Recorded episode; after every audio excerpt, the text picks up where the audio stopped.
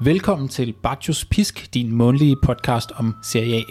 Simone Inzaghi's Inter har sat sig på førstepladsen, og uanset udfaldet af årets sidste runde i Serie A, kan de forsvarende mestre fejre nytår som dette års vintermestre. Både Napoli og Milan, som til at begynde, var nær- mm, begynde med, var nærmest umulige at slå, er pludselig til at bide skære med, og for begge klubber kan ondt blive værre i januar. Og så er Fiorentina og Vlahovic måske ved at bide sig fast i toppen. Håbet er lysegrønt hos Vincenzo Italianos lille mandskab.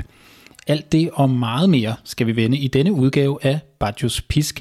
Jeg hedder Thomas Søgaard Rode, og over for mig står som altid Christian Nørgaard Larsen.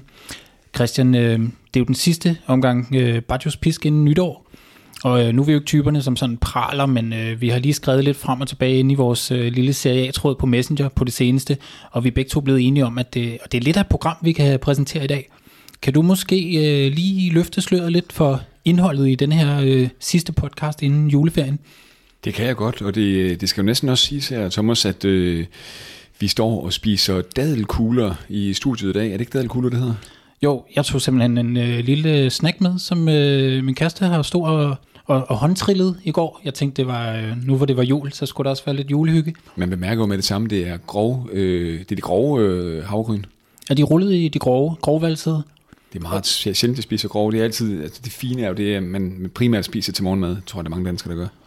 Ja, det ved jeg ikke, om jeg er helt enig med dig i. Men, øh, men de grove, de er gode, også til bananpandekager, som vi laver tit.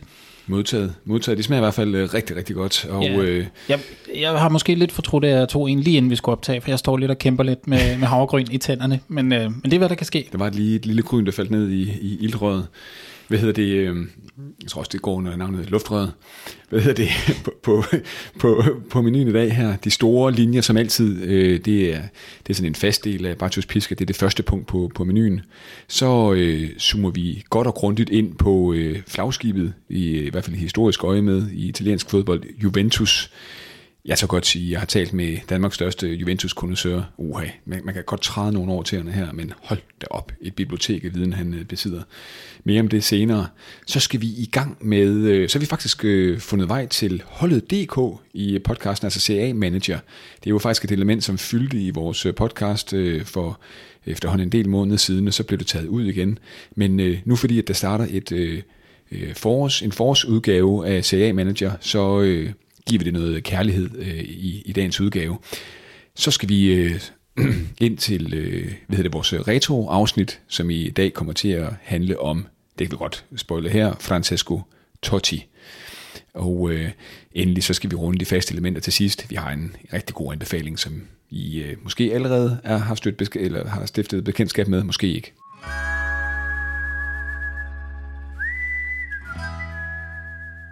Som lovet, der skal vi ligesom se på de store linjer siden sidst vi optog. Og en ting bemærker man med det samme, når man kigger på tabellen i forhold til sidste gang. Nu er det hverken Napoli eller Milan, der ligger nummer et længere. Nu er det Inzaghi's Inter. Ja, Thomas, vi, øh, vi så jo begge to kampen. Jeg sad i hvert fald øh, med mine øh, store, tykke intersokker på. Nu ved jeg godt, det ikke var Inter, der spillede, men de luner så godt sådan en decemberaften. Og øh, dit hold, øh, AC Milan, havde jo en masse på spil. Øh, jeg var meget spændt på at se, hvilket af de her to hold står stærkest. Hvilket hold ligner den reelle udfordrer til øh, Inter i toppen af Serie A. Thomas, hvis vi nu sådan kigger lidt på de to hold, hvad, hvad mener du er den store forklaring på de her to holds derud? Er måske for stort et ord, men i hvert fald tilbagegang. Ja, altså det var jo både Milan og Napoli lagde lidt sådan fra land med, med buller og brag her i årets serie, og de var nærmest uslåelige. Øhm, men når man kigger lidt på, øh, på de to klubber lige nu, så er det jo to klubber, der, er- der er hårdt ramt. Øhm, Milan har fået 8 point ud af 21 mulige på det seneste, og Napoli har i samme øhm, periode blot fået 11 point. Og så hvis man ser på Inter, der har taget førstepladsen, så har de hentet 19 point ud af 21. Det er kun en enkelt uafgjort, det er blevet til, ellers er det bare lutter sejre. Og øhm, jeg tror, hvis man skal kigge på, sådan, hvad er forklaringen, hvad er det, der går galt for de her to, øh, to klubber, så er det øh, bredden på de to respektive klubber, og så er det antallet af skader til sådan mere eller mindre centrale spillere, øh, i hvert fald for Napolis øh, vedkommende helt centrale spillere. Jeg så, at der var et, øh, et øh, sportsmedie, sådan et øh, Milan-medie, der hedder Radio Rossonera. Øh, De lavede for kort tid siden en gennemgang af antallet af skader og coronafravær hos Milan, sammenlignet med Inter, Atalanta, Napoli og Juventus.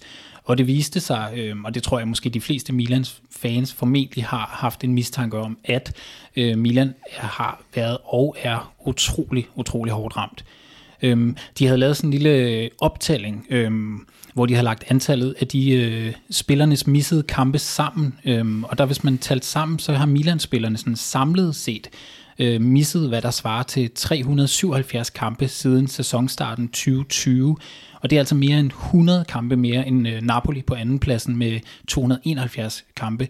Øhm, for Juventus der er tallet 249, mens det for Inter og Atalanta er henholdsvis øh, 214 og 210. Så man kan sige, øhm, det er jo ikke det, der er afgørende alene, men det er særligt for Milan og så Napoli på anden skades andenpladsen, øhm, så har det jo stor betydning. Og øh, ja, du sad og hyggede dig, tænker jeg, med mm. dine øh, tykke intersokker, og det var også nemt at, at hygge sig, når man, øh, når man har vundet, øh, og egentlig bare skal se sine to nærmeste modstandere forsøge at øh, forkludre, øh, forkludre det endnu mere. Øhm, men det var jo også en kamp, den her store kamp øh, mellem Milan og Napoli, som i virkeligheden havde været vildt fed, hvis den var blevet spillet for måske mm ja, hvad skal vi tilbage, et, et par måneder siden, fordi der var de to hold, de spillede langt bedre, og de havde alle deres øh, spillere til rådighed. Men i går, øh, går aftes, øh, søndag aften, var det jo nærmest to B-kæder, som stod over for hinanden. Øhm, Milan manglede øh, Theo Hernandez, øh, Leao og Rebic, måske som de, som de tre vigtigste. Mm. Øhm, Napoli var uden Insigne, Osimhen, Koulibaly og Fabian Ruiz og, øh, og flere andre. Og, og, og det kom kampen bare til at være øh, præget meget af. Man kunne se, der var ikke sådan noget, nogen sådan gode gennemspillede angreb. Jeg ved ikke, om det er, fordi jeg har, øh, har min, øh, så den lidt med mine øh, Milan-briller, men, øh, men jeg synes måske, at Napoli var lidt heldig med at, at komme afsted med en sejr. Men under alle omstændigheder, man kan sige, et Milan-hold uden Theo Hernandez, Leao og Rebic, så er der faktisk ikke øh, særlig meget at skyde med, især fordi øh, Brahim Diaz, han er blevet sådan en øh, sådan post-corona-version, øh, hvor han, hvor han simpelthen ikke øh, sætter sig så meget igennem, som han gjorde før i tiden. Vi, vi skrev jo en del sammen på vores øh, eventlige øh, og, og meget øh, øh gode øh, Twitter, nej hvad hedder det, øh, Messenger-tråd, jeg, jeg, skød, øh, jeg skød Milan som favorit i den her kamp her, sådan en 60-40, du var nede på sådan noget 55-45. Da jeg så så, øh, øh, hvad hedder det, holdkortet øh, fra Napoli med Andrea Petagna op øh, øh, foran, det var, jeg, det var jeg simpelthen op på næsten 70-30 til, til, til Milan. Øh, det illustrerer i hvert fald øh, meget godt din pointe, øh, hvad Napoli, de, de, for eksempelvis Napoli, de stiller med i den her kamp her, også i forsvaret, hvor du har Koulibaly ude stadig det er virkelig, virkelig et mandskab, der er blevet ramt hårdt, ligesom dit eget. Junior Messias starter ind i den her kamp. Rada Krunic har vi talt meget om også i podcasten her. Det er ikke en af dine favoritspillere, Thomas. Nej, det er ikke. Altså, jeg synes jo, han er, han er sådan en, man skal have i en klub, som, man, øh, som han brokker sig aldrig, og man kan sætte ham ind på stort set alle pladser.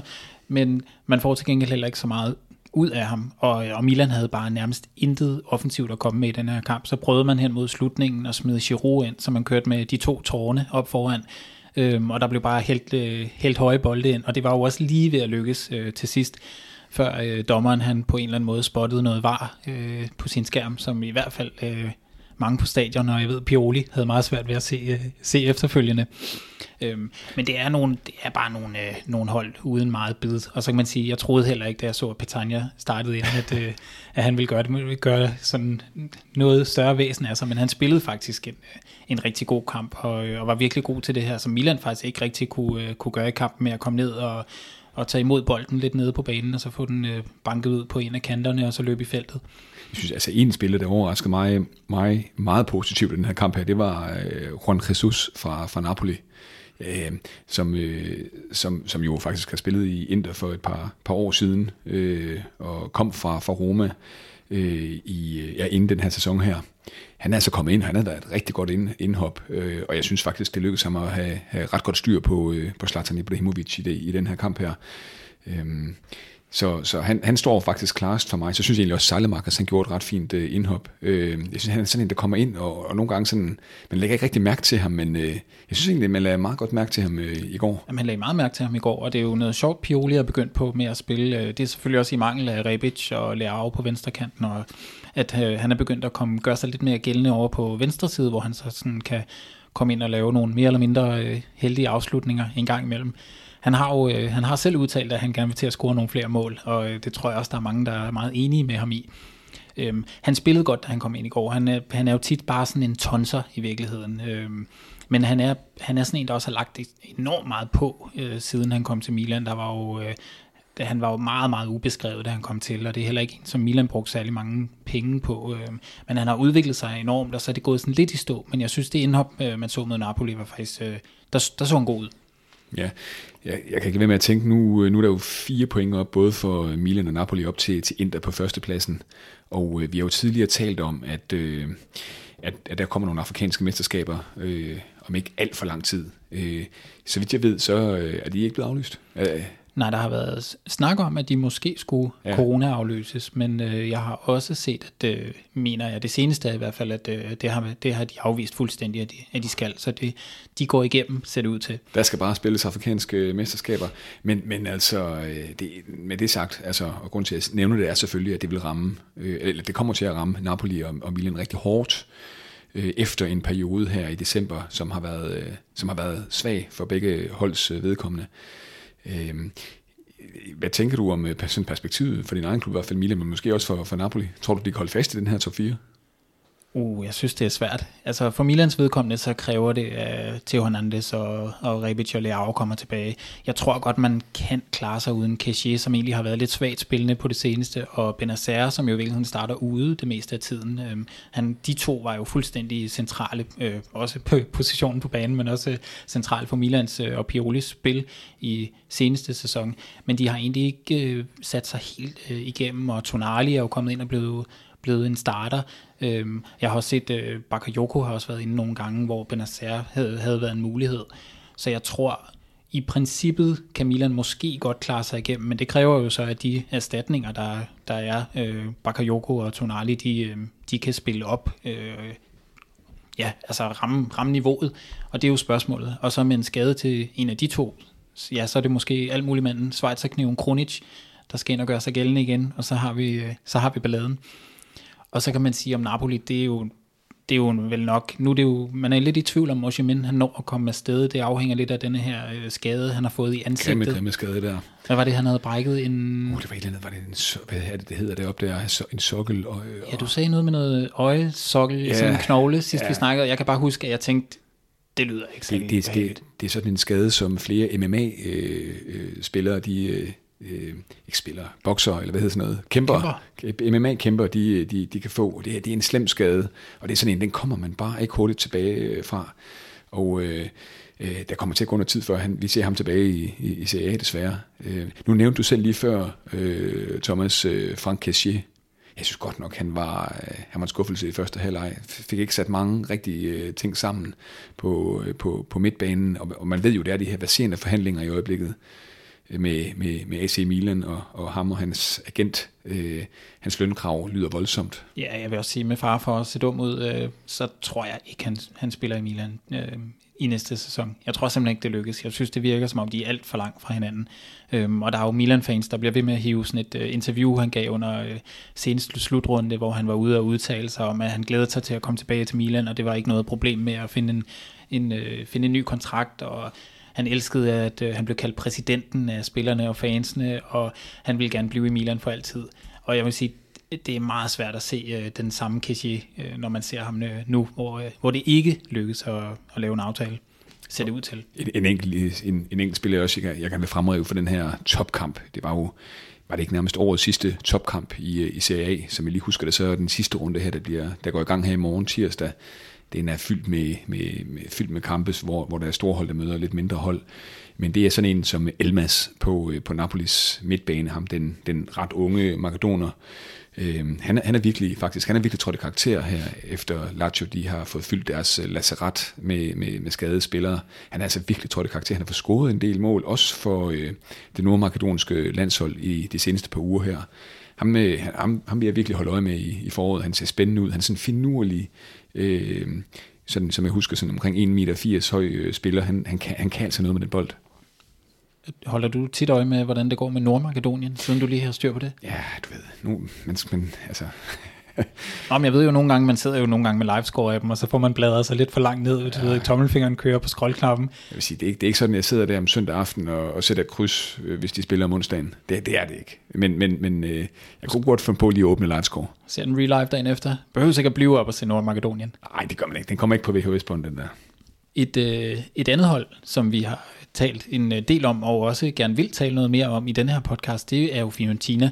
Jeg ved, vi har et, øh, et vedmål kørende øh, fra helt i første podcast eller anden podcast, hvor du spåede Fiorentina til at slutte i top 6, og jeg tænkte øh, med den måde, de har spillet på de seneste mange sæsoner, så så, så det svært ud.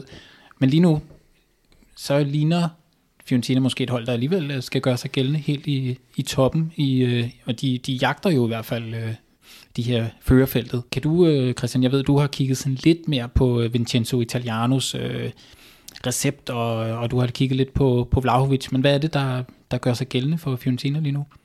Ja, men altså, Dusan Vlahovic er jo den helt store faktor, og nu er det jo en måned siden, vi, øh, vi optog sidste gang, øh, Thomas, og en af de ting, der står klarest i Serie A øh, i de her fire uger, der er gået siden da, det er jo Dusan Vlahovic, den her øh, og er han ikke 21 år, det mener han er, øh, 1,90 meter høje angriber.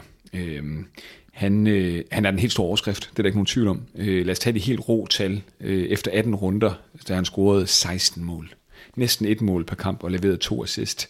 Og han er altså den øjeblikkelige capocannoniere i, øh, i Serie A. Øh, en spiller, som øh, sådan er statur er næsten er lige så høj og stor og stærk som øh, Zlatan Ibrahimovic. Det er jo hans øh, helt store idol. Det kan man jo godt forstå. Øh, hvad hedder det?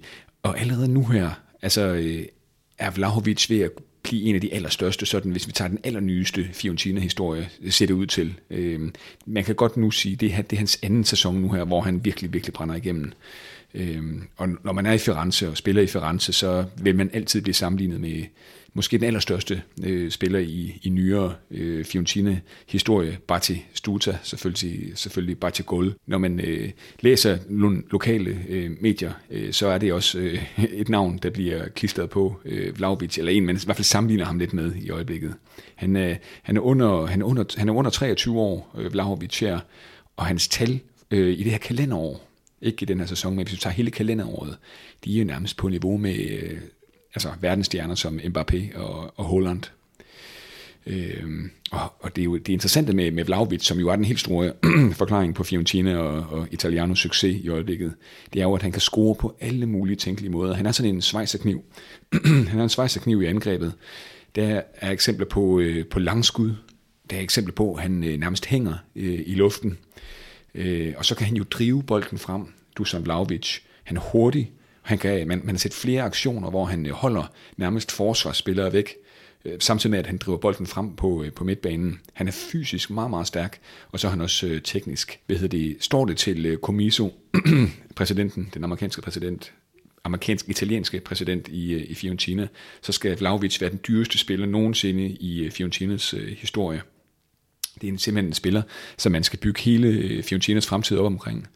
Øh, lidt ligesom, som man så det netop med sådan en Batistuta tilbage i de glade øh, CA 90'er, Røv Costa, og lidt senere måske sådan en øh, Luca Toni øh, i sin tid. Han er, han, er, han er svær at glemme, Luca Toni. Mm. Men der er jo problemet for Comiso jo også, hvis den drøm skal gå i opfyldelse, at øh, både Serie A og Fiorentina jo ikke er noget, der bare minder om, hvad det var i 90'erne, så man kan vel ikke holde på Vlahovic. Jeg ved, der er allerede nogen, der taler om, om han skal skyde sig, øh, skyde sig afsted til vinter.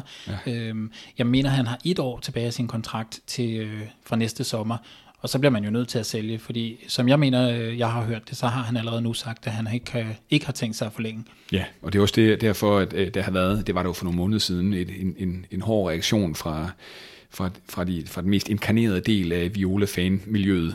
Øh, men det er svært at blive ved med at have manden, når han scorer i hver eneste runde. Men tilbød Vlaovic, øh, mand, og det er altså Fiorentinas øh, ledelse, et sted mellem 3,5 og 4 millioner øh, euro i, i løn. Øh, det er rigtig meget i Fiorentina. Øh, ja, og så problemet er, at det er bare ikke rigtig meget i Premier League. Nej, og det er altså den løn, som man så kan, altså den løn, som jeg lige nævnte der, altså mellem 3,5 og 4 millioner euro, det er jo halvdelen af, hvad Eriksen tjente i, øh, i Inter, bare for at tage det eksempel. Og så en frikøbsklausul på omkring 100 millioner euro. Øh, han accepterede ikke øh, tilbuddet, øh, og, øh, og nu frygter man selvfølgelig, måske med rette i, øh, i Fiorentina, at han ender med, som man har set så mange gange, med at han ender i Juventus. Altså simpelthen ærkefjenden nummer et. Øh, det har man jo set før. Chiesa er et godt eksempel. Hvem har vi ellers? Øh, ja, Chiesa. Bernadeschi. Ja, Bernadeschi selvfølgelig. Men lige Bernadeschi kan der ikke være mange uh, Fiorentina-fans, der er rigtig ærgerlige over, at de har sluppet. Jeg tror, de, de maksimerede ja, hans værdi. Han er vel, har han spillet en god kamp, siden han skiftede? jeg, synes, ved du, jeg synes faktisk ikke, Bernadeschi har spillet så dårligt i de sidste par, par runder for, for Juventus, men han har jo ikke, han er aldrig blevet det, som han blev udskrevet til at være, og som, han, som, som, som det så ud til at blive til, dengang han spillede i, i, i Fiorentina for en del år siden. Nej, jeg vil sige, når man ser ham i dag, og så man går ind og ser de, de sådan nogle YouTube-compilations fra hans øh, Fiorentina-tid, altså, han var godt nok god. Ja, det var han. Det var han altså. Altså sidste sommer, det holdt jeg jo rigtig meget øje med, hvad, hvad der skulle ske med Vlahovic. Øh, eller i sommer var det jo så, øh, man så jo Inter, der var, altså Inter har jo tidligere været, været, været meldt meget interesseret i, øh, i Vlaovic øh, til øh, et køb på sådan omkring 35-40 millioner euro dengang. Inter, de ikke var i så store økonomiske problemer, som, som de er i dag.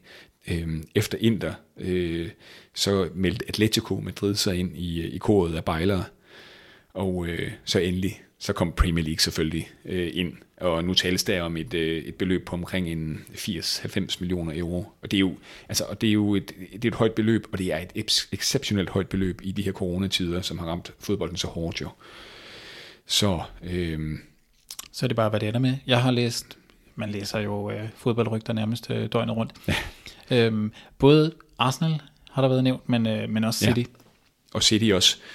Og så, og så lad os se, altså jeg, jeg kan ikke forestille mig, at Juventus de kan betale øh, den her sum penge her. Og, og så tænk på reaktionen i, i Firenze, hvis, hvis det alligevel skulle ske. Da Batistuta, altså den helt store held i Firenze, han skiftede til, til Roma for 21 år siden, der smeltede mig jo, altså der, smelte, der var der nogle meget, meget vrede og desillusionerede fans i Firenze, der smeltede hans øh, statue om jo. øhm, det er måske meget godt, at Vlahovic ikke har fået lavet en statue endnu.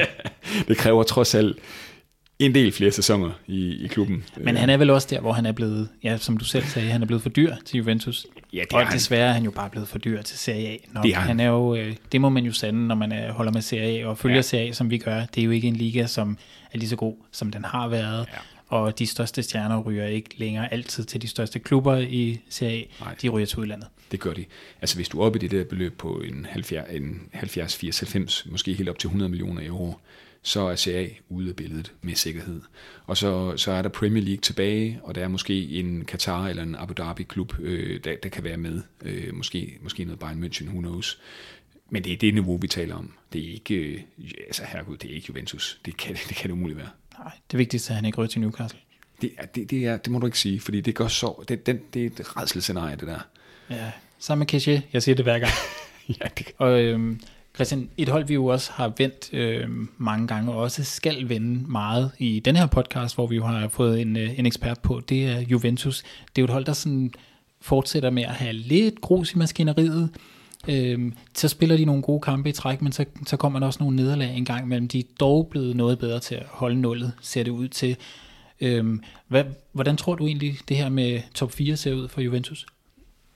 Ja, altså, nu, nu må vi lige prøve at se, at Milan og, og især Napoli, tror jeg kan, nej, jeg tror de to hold kan godt gå en øh, svær januar måned i møde nu her. Og Juventus, de, det er som om de rammer nogle stimer i øjeblikket, hvor de vinder sådan en to-tre kampe i træk, og så kommer der et skuffende resultat, og så taler man om, at Juventus stadig ikke rigtig har fundet rytmen under Allegri. Og de her kampe, nu ved jeg godt, de, de vandt 2-0, var det går Bologna her i weekenden. det så jeg faktisk ikke. Men, men, men det er nogle lidt tætte kampe, de spiller. De kampe, jeg har set her de sidste par runder. Det var ret tætte kampe. Det er ikke sådan, at man sidder med en sikker fornemmelse af, at Juventus de bare kører modstanderen over. De har også været ramt af nogle øh, små hister her, så har der været, så Chiesa lidt ude, så de Baller lidt ude, så Morata lidt ude, Mosekin og så videre. Jeg, jeg vil ikke dømme dem ud af top 4, det vil jeg altså, det vil jeg altså ikke på nogen som helst måde. Det er Allegri, der, der står bag ved, ved roret på det her italienske flagskib. Øh, men, men det er altså et problem i Juventus, og det er ikke gået væk endnu. Og det er, at der bliver skabt alt, alt for lidt. Og det understøtter data, øh, hvad hedder det, øh, de, er, altså det, de, de har så mange våben, skulle man tro, når man lige kigger ned på holdkortet. Øh, men, øh, men altså når sådan en spiller som Benucci, han er en af klubbens, jeg ved ikke, han, han var for nogle runder siden, var han klubbens topscorer, øh, delte topscorer. Hvad hedder det, øh, så, altså nu er det godt nok to af dem, er vist nok på, på straffespark, men altså, så taler det altså sit tydelige sprog. Øh, de, heller ikke, de rangerer heller ikke særligt højt, øh, siger data. øh, i ligaen, når det kommer til at sætte øh, mere end 10 afleveringer sammen. Øh, Altså det er ikke et hold, der, der kombinerer sig øh, igennem øh, midtbanen. Det er det ikke. Det er, der er relativt få berøringer. Det er også lidt bekymrende. Man skulle ellers tro, at der er en masse sådan boldsikre spillere på det hold. Altså kig på Dybala og Chiesa. Ja, og så, og så når man sådan sammenligner, øh, sammenligner dem med sådan et hold som Inter for eksempel, så er der langt, langt færre berøringer for Juventus op i den øverste tredjedel af banen. Det er, det, er, det er virkelig et problem, og det er deroppe alle våbnene er. Øh, ja, så Quadrado, der lige kommer tilslutter sig, og som regel er den, der ender med at afgøre kampene for dem. Han, er, ja, han, har, han har holdt niveau, vil jeg, vil jeg, vil jeg sige. Øh, det samme med, øh, med hans øh, marker dernede, hvad hedder nu, Luca, Luca Pellegrini. Nå ja, Pellegrini, ja. Ja, hvad hedder det, øh, et frisk pust i for Juventus, synes jeg. Men, men nu har det også gået tre sæsoner. Med, øh, det er gået tre sæsoner i Juventus, hvor man simpelthen bare skulle give den til Ronaldo op i angrebet, og så kunne han gøre et eller andet med, med bolden. Det er som om, at Juventus på en måde mangler sådan lidt et, øh, hvad kan vi kalde det, et fikspunkt eller et referencepunkt op i angrebet lige nu. Hvem er det, man skal, hvem er det, der kan være den der helt boldsikre spiller? Du havde også Lukaku i Inter, øh, og det, de har ikke fundet det der nye referencepunkt endnu øh, i den gamle dame. Nej, og så er det jo også en Dybala, der bliver ved med at døje med en masse småskader. Ja, og og har man lyst til at gøre Morata til referencepunkt, det har man jo ikke. Han nej, er jo manden, nej. der kan score de, de vildeste mål og brænde de største chancer. Det må man sige. Nogle gange i samme kamp. Fuldstændigt ikke. Og så har du selvfølgelig midtbanen, den har vi også øh, dissekeret et par gange i Bartos Pisk. Øh, det er bare en, en, en alt for dårlig midtbane til øh, Juventus' arv. Bare lige for at få den op på den helt store klinge her, fordi Juventus er en, en kæmpe stor klub, og du, du kan næsten kun tillade dig at sige, at Lucatelli han har, han har niveau til, altså til den midtbane der. Det er, det er, og der er kæmpe lønning, og det er så drænende for den øh, store Torino-klub. Øh, så der er jo ikke nogen tvivl om, bare lige for at binde en krølle på det, at sådan en spiller som Dusan Vlaovic, han kunne være det nye referencepunkt op i, op i angrebet. Øh, men øh, som vi også lige sagde før, det kommer, det kommer simpelthen ikke til at ske. Det tror jeg ikke på. Han er for dyr.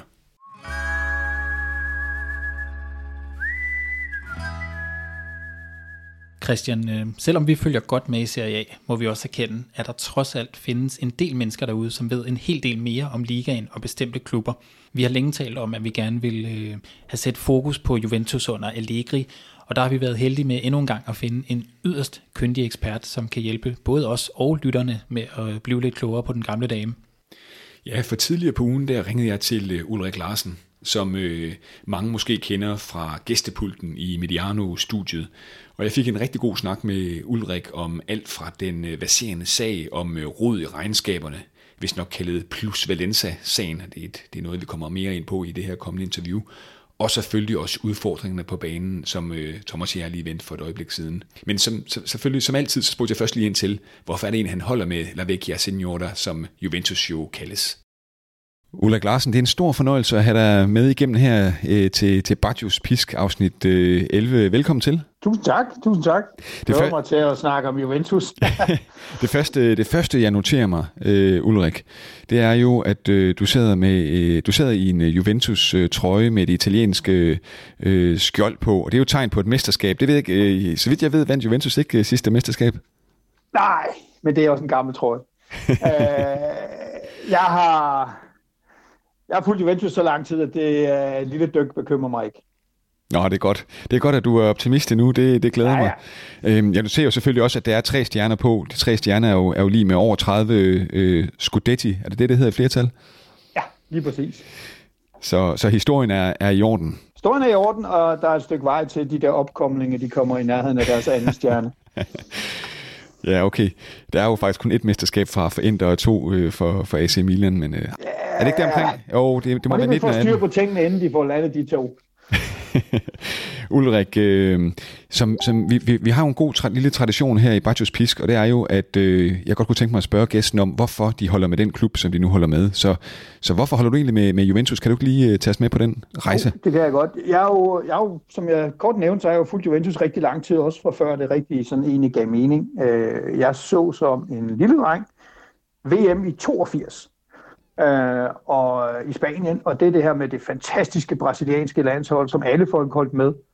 Og for at være en lille smule kontrær, så tænkte jeg, at øh, jeg skal godt lide de der lysblå øh, italienere, og øh, så, øh, så kiggede jeg nærmere på dem, og så endte de med at vinde. Og, og, og, og det italienske landshold, der vinder i 82, mest, øh, verdensmesterskabet der, har jo det, man kalder sådan øh, blok Juve. Altså der er seks eller syv af de helt centrale spillere, som kommer fra Juventus, startende fra Dinosaur for enden op ved, ved øh, Paolo Rossi.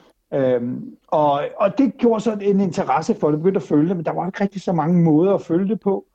Og kort efter, øh, par år efter, så kommer Platinio til, eller året efter kommer Platinio og Boniek, og så begynder der at blive mere interesse, og så går der nogle år, så kommer, øh, så kommer TV2's dækning af CA, og så er jeg på. Ja, der er mange, der hoppede på der i slutningen af, af, af de glade 80'er, øh, søndag kl. 14.25, som jeg husker det. Hvad hedder det, Ulrik? Øh, det vi jo i virkeligheden skal tale om i dag, det er jo den her øh, baserende øh, plus Valenza-sag, hvis man kan kalde det, det, kalde det det. Og så skal vi også lige øh, vende i, i, i anden halvdel af interviewet her i dag, øh, sådan det sportslige i, øh, i, i Juventus, den mest vindende italienske klub. Øh, så lad os starte med øh, Plus Valenza-sagen, øh, som er baserende øh, lige nu, og som har fyldt meget af de italienske sportsaviser. Vil du ikke allerførst øh, lige, tage os, lige, lige forklare os, hvad er det nu Plus Valenza øh, er for en størrelse? Ja, det er jo, det er en lille smule sådan en regnskabsteknik, men man kan sige, grundlæggende så er Plus Valenza profit. Hvis du køber en spiller for 10 kroner og sælger ham for 20 kroner, så har du øh, 10 kroners profit. Så er der noget lidt mere teknisk, som er, at når du køber en spiller, så koster han i regnskaberne fordelt på de år, du har kontrakt med ham. Så igen, hvis du køber ham for 10 kroner, og du tegner en femårs kontrakt, så koster det han nedskrevet med, med 2 kroner hver år af de fem år, til sidst er, så er hans værdi regnskabsteknisk øh, 0. Og det er det her problem med, at når du sælger en spiller, så får du pengene med det samme, og hvis der er et regnskabsteknisk overskud, så kan du skrive dem direkte ind i bøgerne i år.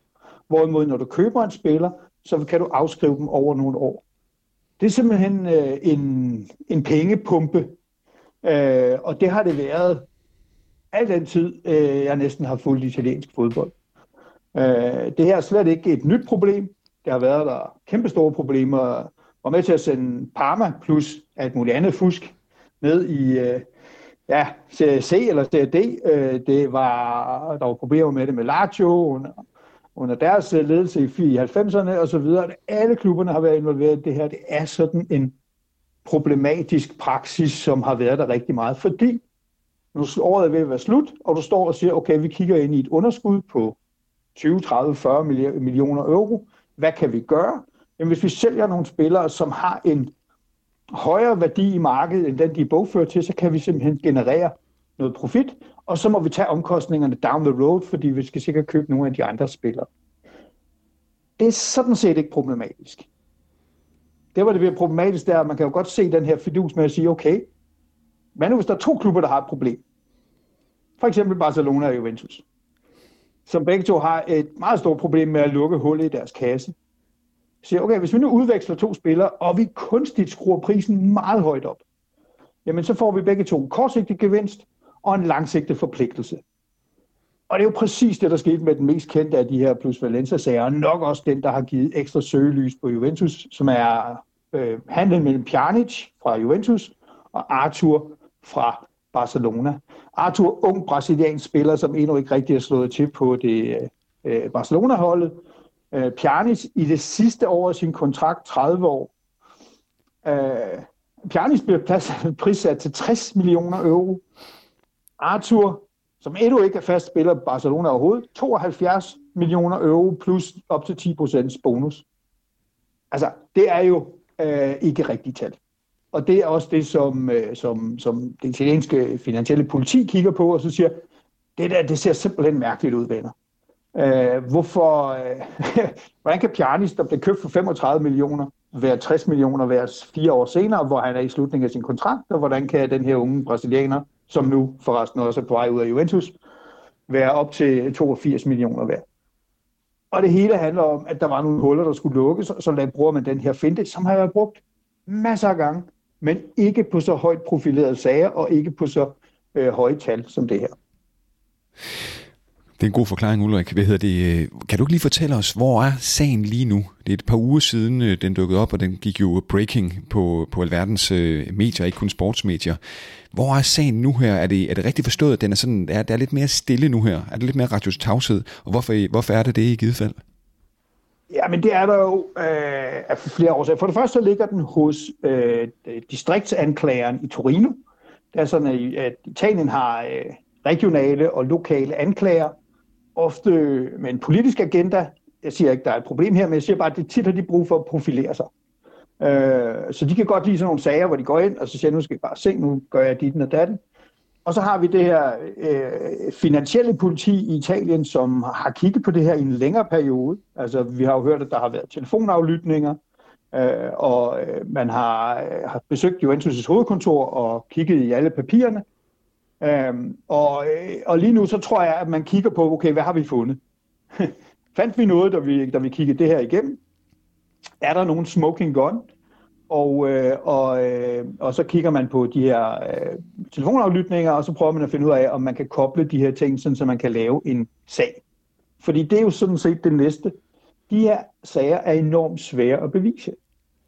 Uh, der skal være nogen, der har skrevet til hinanden, eller sagt til hinanden på aflyttet bånd, at nu pumper vi prisen højt op. Uh, alle kan jo se, at der er noget galt med den her Arthur og Pjanic sag. Altså Pjanic spiller i tyrkisk fodbold nu, Uh, Arthur er på vej væk uh, fra Juventus. Der, der er noget galt her, ikke? Uh, og, men det er svært at bevise, at de to klubber ikke var i god tro dengang, hvor de lavede den her handel. Man kan godt sige, det lyder helt vanvittigt, det I har gjort, men du skal da også bevise, at der er ond tro, og at nogen har lidt et tab osv. Og det er den, der er svær. Ulle, kan du prøve at fortælle os, hvordan, øh, Altså, ja, vi er selvfølgelig med på det her med, altså Juventus har også været økonomisk presset, ligesom så mange andre øh, italienske klubber. Øh, øh det retfærdiggør naturligvis ikke, at man pumper priserne. Øh, men men hvordan, hvordan, kunne det gå, hvordan kunne det egentlig gå så, så galt? Nu må vi også lige se, hvordan sagen den ender naturligvis. Men hvad er ligesom baggrunden for den her Plus Valenza-sag? Altså, ja, inden da, så kan måske lige knytte på til, hvordan det ender. Fordi Øh, det her kan ende med alt mellem, øh, hov, der, der var ikke rigtig noget, sådan kan det jo indimellem ske i Italien, og så til øh, reel nedrykning og alle mulige ting. Så hele spektret er i spil, men det er meget sandsynligt, at man måske får en bøde eller et eller andet i den stil. Altså det er bare svære sager at have med at gøre, medmindre du har øh, det her berømte smoking gun. Der er én ting, som er et problem for Juventus, og det er, at Juventus er et aktieselskab. Øh, og, et, og et relativt internationalt stort aktieselskab. Det vil sige, at man skal overholde alle aktieselskabslovens regler. Man skal informere korrekt til markedet, man skal informere korrekt til sine, øh, til sine aktionærer. Og det kunne godt være der, hvor der begynder at blive nogle problemer. Vi kan i hvert fald høre i italienske presser, at det er det, man kigger på lige nu. Har man overholdt sine forpligtelser? Øh, og det er en anden type straf. Øh, det er stadigvæk alvorligt og sådan noget, men det er en anden type straf. Og jeg, jeg, jeg ja, som folk måske kan høre på mig, jeg er helt overbevist om, at der er et problem her. Og jeg mener også, at Juventus har overtaget i hvert fald sådan øh, de moralske for, øh, øh, regnskabsregler. Men jeg tror også, det er svært at få dem dømt. Skal jeg være ærlig at sige. Øh, måske er de for kloge til at, at blive nappet igen. Baggrunden for det, baggrunden for det er jo i virkeligheden en historie, som starter langt tilbage. Øh, for 16 år siden var Juventus tvangsnedrykket efter Calciopoli, øh, et, et, en klub, i, der kom hurtigt tilbage til Serie A, men som følge havde mistet alle sine stjerner. Øh, man kommer tilbage og bliver nummer tre, og så bliver man nummer to, og så går der lidt kage i den med, med Ferrari som træner og alle mulige virkelig ballader. Man har to syvende pladser, og det hele sejler. Og der vælger man jo så at bringe den første Agnelli på banen siden hans far, øh, som var præsident til, øh, frem til 62. Øh, og Andrea Agnelli gør en kæmpe forskel for Juventus. Øh, starter med at hente en en trio fra Sampdoria, som er Beppe Malotta og Paratici, sportsdirektøren, øh, og så Denieri. Øh, Denieri holder så kun en sæson, så bliver han sparket ud, og så kommer Conte. Og så kører toget. Og man har enorm succes. Øh, man har eget stadion, man har rigtig gode indtægter, men selvom Conte på et tidspunkt forlader skibet, så ender man stadigvæk med at have to øh, kort efter hinanden Champions League-finaler først i, i Berlin mod Barcelona, og efterfølgende i Cardiff mod Real Madrid. Og, og, og altså, man har simpelthen udnyttet alt sit potentiale. Og man står i to finaler. Ja, man har tabt dem. De kunne også have gået den anden vej, specielt den mod Barcelona. Øh, I Cardiff blev vi udspillet. Men, men man er simpelthen på toppen af, af, af sin ydeevne. Og alligevel så sidder Agnelli kigger sig omkring og siger, okay, vi vi, vi kan ikke gøre mere, end vi gør. Og alligevel så er der Premier League-klubber, øh, Real Madrid-klubber, øh, Bayern-klubber, PSG og folk, der får penge alle mulige andre steder, så ligger med indtægter, som er 2, 3, 400 millioner euro mere hver eneste år. Så man er simpelthen ved at blive tabt af toget. Selvom man står sådan set på toppen af det hele, man har vundet syv mesterskaber i træk, og man har to Champions League-finaler, og det hele kører. Og så sidder man sådan og siger, okay, hvad skal der til? Men den store forskel på de hold, der virkelig pumper der ud af, også dem, der er uden for Premier League, det er de kommercielle indtægter. Der halter Juventus voldsomt efter. Altså det er merchandise, fansal, øh, alle de der forskellige ting, som ikke har noget at gøre med selve spillet på banen. I hvert fald ikke direkte. Og der, der halter man helt vildt. Altså det er næsten hele gabet på de her 250-400 millioner, som ligger i merchandise. Så man sætter i værk i 17, nyt brand, skifter logo fra det gamle logo til det her nye J. Man prøver at brande sig som en international underholdningskoncern. Øh, men det, man kan jo godt se, at det ikke nok. Og så tænker man, okay, hvad kan, hvad kan, sådan, hvad kan virkelig sende os op i stratosfæren? Jamen det er jo, hvis vi får et supernavn.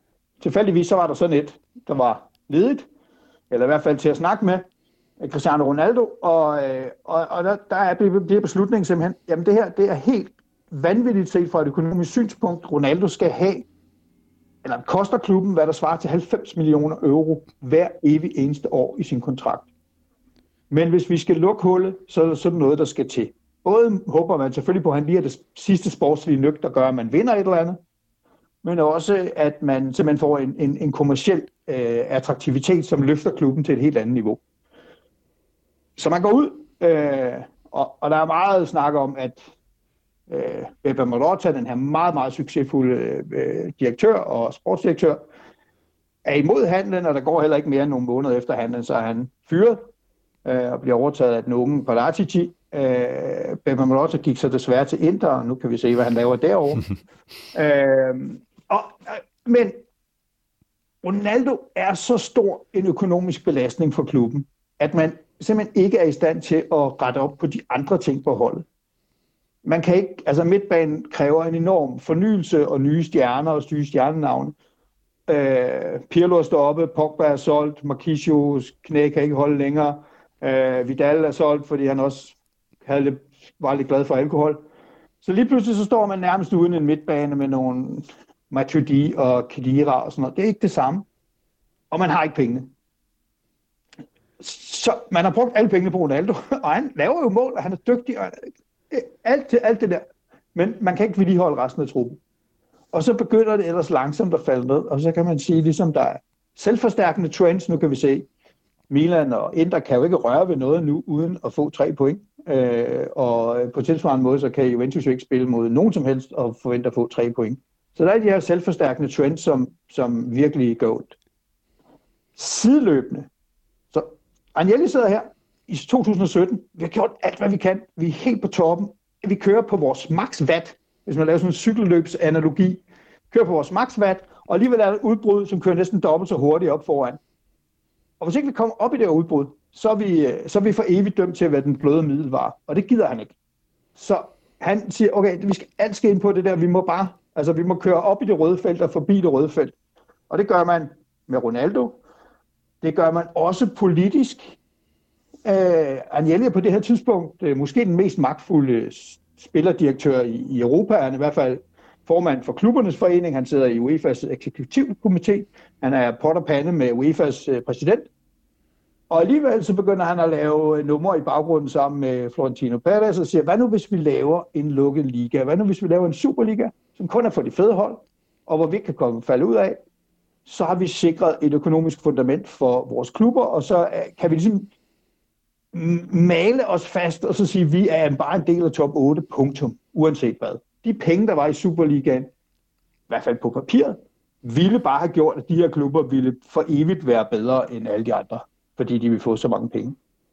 Så der bliver, der bliver smidt nogle rænker og så videre, og øh, så når vi jo til launch af det 21, ja, så falder det hele sammen. Samtidig så har man bedt Allegri om at finde sig noget andet at lave, øh, og hente Sarri ind, for nu skulle vi spille spændende fodbold. Øh, det holdt så cirka 12 måneder, og så blev han sparket ud, fordi der var ingen, der kunne holde ham ud. Så henter man Pirlo ind, fordi vi skal også spille moderne fodbold, og han når taber som den første i 10 år mesterskabet til Inter, og bliver lige med det yderste af neglen nummer 4, så han må også ud. Og så går man tilbage og siger, okay, så må vi ligesom få Allegri på banen. Og det vil sige, at man har haft en transferperiode selv med små penge, og hvor man har lavet plus Valencia-cirkus for at få det til at hænge sammen. Hvor man har købt først til Sarri, blandt andet Arthur, en Sarri-spiller, øh, måske også Kulusevski. Så har man øh, købt lidt til Pirlo, og nu kommer så Allegri, som skal have et helt andet spillertrup. Så der er ikke rigtig noget at sige til, at klubben er et øh, forfærdeligt øh, rodebunker at se på. Ulrik, øh, hvis nogen skulle være i tvivl, så er du Juventus-bibliotek øh, af, af, af viden. Det er en kæmpe fornøjelse. Øh, tusind tak for at føre så godt ind i Plus Valenza-sagen her. Lad os lige binde en krølle på det, inden vi hopper videre til, til den sportslige del af interviewet her, altså om Juventus. Hvad hedder det? Ved vi nu, Ulrik, hvad næste skridt er i den her sag her? Hvad, er, hvad, hvad, hvad kan man forvente? Hvad er det? Hvad, hvad, hvordan kommer den her Plus Valenza-sag til at se ud i 2022? Ved vi allerede, hvad næste skridt er? Vi ved, at øh, nu ligger det hos anklageren, det vil sige, at anklageren skal enten beslutte sig for at rejse tiltale eller, eller frafalde tiltale. Og det må blive det næste, der sker. Øh, Juventus fylder meget i det her, men Napoli har også en Oshimin-sag, som, som stinker. Øh, der, der er lidt andre involveret i det, og, og jeg tror også, der bliver flere endnu. Øh, men, ja. Ja, Ulrik, altså, altså er, vi, er vi ude i, altså er det overhovedet et scenarie, øh, det her med, at Juventus kunne blive tvangsnedrykket, øh, øh, og så videre, så videre, så videre. Eller er det simpelthen at tage, tage munden for fuld? Nej, der er ingenting på sig. Øh, altså, så skal du simpelthen finde en e-mail fra Paratici til sin counterpart over hos øh, Barcelona, der siger, ved du hvad, skal vi ikke øh, vores aktionærer gensidigt, og så lave den her, bare pumpe det op så meget vi kan. Og så dumme er der ikke nogen, der er. Øh, så nej, det tror jeg ikke. Men, men der, jeg tror måske godt, der er kommet nogle revisioner på, hvordan man handler spillere i Italien, fordi det her det er vanvittigt udbredt. Det gør ikke, ud, det gør ikke Juventus skyldfri, øh, og Juventus har været de værste, men øh, der findes hundredvis af de her små handler til 1-2 millioner euro, som frem og tilbage, plus en tradition i Italien for, at hvis du køber en af mine spillere, betal lige lidt ekstra. Næste gang, så betaler jeg også lidt ekstra. Man siger altid, at de italienske handler kan ikke ses i noget vakuum. De bliver nødt til at være ses i, i en forløb. Og du kan også se, når, når klubberne handler, så bliver der pludselig mange handler. Det er en, det er en god pointe. Man skal se hele spindelvævet for at forstå øh, sammenhængen. Ja, og så, og så, er det bare, så er det bare enormt svært at bevise, og du skal også øh, påvise, at nogen har lidt øh, tab, og øh, øh, det, det, det er virkelig en svær sag, øh, men det er, det, det, det, det, det er dybt øh, problematisk, det man har lavet. Ulla Glas, prøv at hoppe over til anden halvleg i interviewet her, hvor vi kigger mere på, på det sportslige, og jeg ved jo, det, det, det er jo måske et lidt ø, et ømt punkt for dig, øh, i hvert fald hvis vi bare, apropos vakuum, ser på den her sæson. Hvad hedder det? Øh, du var inde på, øh, da vi talte om Plus Valenza-sagen, trænerne, øh, alt det, som Juventus har gået igennem her de sidste par, par sæsoner, de så nærmest, altså Juventus, øh, din klub, øh, Ulrik, så nærmest uslåelig ud under Allegris øh, første ophold i klubben. Øh, hvad hedder det, så gik man over til Sarri. Øh, han vandt jo mesterskabet øh, med, med, med, med et mulehår foran øh, den klub, jeg holder med, Inter. Og så øh, blev det jo så Pirlo, øh, der, der overtog tøjlerne øh, uden øh, nogen trænererfaring overhovedet. Hvad hedder det? Han blev der heller ikke så lang tid, og nu er man så tilbage ved, ved, øh, eller med, med Allegri. Øh, hvilke tanker gjorde, ved du det Ulrik, hvilke tanker gjorde klubben sig om de udskiftninger på, på trænerbænken, og hvad tænker du om de, de valg, der er blevet truffet i Torino-klubben? Altså nu er det jo helt vildt nemt at være bagklog, det er jeg faktisk også super god til. Uh, men uh, da man hentede Sarri, der var jeg simpelthen skeptisk. Uh, både fordi det var kæmpe, det var kæmpe, kæmpe spring fra det sene Allegri 1, som var, altså, hvis nogen kan huske, der var nærmest ikke nogen, der gad at juble den der sidste sæson, hvor de, hvor de spillede 1-0, 1-0, 1-0, og bare op og fange Mandzukic på den bagerste stang, og så, så vandt vi 1-0. Uh, øh, og det var enormt kedeligt og kontrollerende, og Kedira og Matuidi og sådan noget, men det virkede. Og så skulle man have det samme hold til at spille Sarri fodbold og gå højt op. Altså det er simpelthen, øh, det er simpelthen for svært at forestille sig, at det kunne lade sig gøre, og så, så skulle man have skifte mange spillere ud, så, så jeg var meget, jeg var lunken på det, plus Saris personlighed, altså jeg er jo Juventus-tilhænger, jeg kan jo godt huske, at han sidder i Napoli-bussen og giver fingeren til, til, til Juventus-supporter og sådan noget. Altså, og plus det med at rende rundt i øh, joggingtøj og ryge smøger og sådan noget. Altså, det er ikke en Juventus-træner. Nej. Sorry. Øh, så, så det var jeg sådan set ikke... Øh, og så tror jeg simpelthen, at man er blevet fanget på... Altså, klub, spillerne ville ikke have ham. Han røg ud på grund af senatorerne. Han kunne godt have fået længere tid. Han vandt jo. Øh, øh røg ud til Lyon ved pinefuld, pinefuld exit i øh, Champions League, men det er sket før. Han kunne godt have blevet der med resultaterne, man kunne godt have bygget på det, men senatorerne ville simpelthen ikke have ham. Og det, senatorerne, Chiellini, Ronaldo, øh, øh, Bonucci, de der folk sagde, prøv at høre, han er simpelthen øh, ikke øh, Juventus-kaliber. Og hvad så? Så? Så laver man endnu et kæmpe sats, og så siger okay, vi må have en, der sådan er lidt mellemvej, lidt, lidt in-house, og alle senatorerne vil bakke op omkring ham. Man skal stadigvæk prøve at spille noget mere inspirerende fodbold, fordi vi vinder ikke nogen kinesiske eller amerikanske hjerter ved at spille øh, alligevel fodbold. Og, øh, og så får Pirlo en hård medfart. Øh, dit indre hold er rigtig godt i den sæson. Øh, bygget godt op af Maratiti og Conte. De, de spiller virkelig noget effektivt og godt fodbold. Det gør vi ikke, og vi kommer lige, altså Napoli smider det på sidste dagen, og så får vi en fjerdeplads, hvilket er helt vanvittigt. Og tak til Verona for den. men, men, øh, men det var jo ikke tydeligvis ikke godt nok. Og så siger man, okay, nu, nu er der panik. Hvad gør vi, når der er panik? Og det sjove var jo, at dengang, hvor man sagde farvel til Allegri, så var det sådan en mærkelig afsked, hvor de sad lidt og, og, og gav hinanden hånd og kram. Og det er jo sådan, at uh, Andrea Agnelli og Allegri bor i den samme bygning. Altså, de bor et par etager over hinanden. Uh, og, og omgås privat og gode venner og alle sådan nogle ting. Så det var en mærkelig fyring, uh, som var sådan lidt uh, underlig fesen en. Og så uh, henter man ham tilbage, og så, så nu giver man ham en meget, meget høj løn. Øh, altså han har virkelig forhandlet kortene på plads, øh, og, øh, og samtidig så er det også, har han så næsten en engelsk managerrolle, han kommer til at bestemme, hvem der skal købes og sælges. Så det er råd. Men altså, trods så er vi tilbage til, altså jeg står jo gerne ved, hvad Juventus er. Juventus er jo ikke Barcelona. Juventus er jo et solidt forsvar, hårdt arbejdende midtbane, og så nogle angriber, der er gode nok til at udnytte alle chancerne. Sådan er det. Kritikere fremhæver ofte Juventus' nuværende midtbane som måske det svageste led i, øh, i Torino-klubben. Har de en pointe i, at det er netop her, at øh, Allegri han bør, han bør få de, de største panderynker, synes du? Ja, der er panderynker mange steder. men, øh, men, men ja, det er, helt, det er et åbenlyst problem. Men jeg synes faktisk også, der er problemer op foran. Det kan være, at vi lige kommer tilbage til det om lidt. Jeg synes også, der er problemer øh, i bagkæden osv. Så, videre. så der er rigeligt at tage fat i. Men midtbanen, er helt dysfunktionel. Og det har den været stort set siden vi mistede uh, Pirlo, Pogba, Marquisio og Vidal, som også var øh, noget helt unikt i, i, i historien med de fire midtbanespillere sammen. Øh, er den eneste af dem, der er der i dag, så er Locatelli en, som man gerne vil holde på. Øh, Bentancur vil man måske også, men så bliver det ikke så fremhævende en position, som man har haft det sidste lange stykke tid. Øh, der er også, altså hvis man sælger ham, så tror jeg stadigvæk, den klausul er der, at vi skal give øh, halvdelen af pengene til River.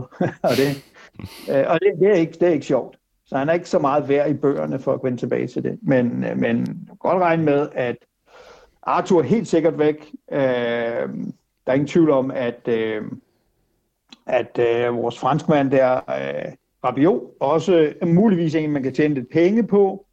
Så farvel med ham.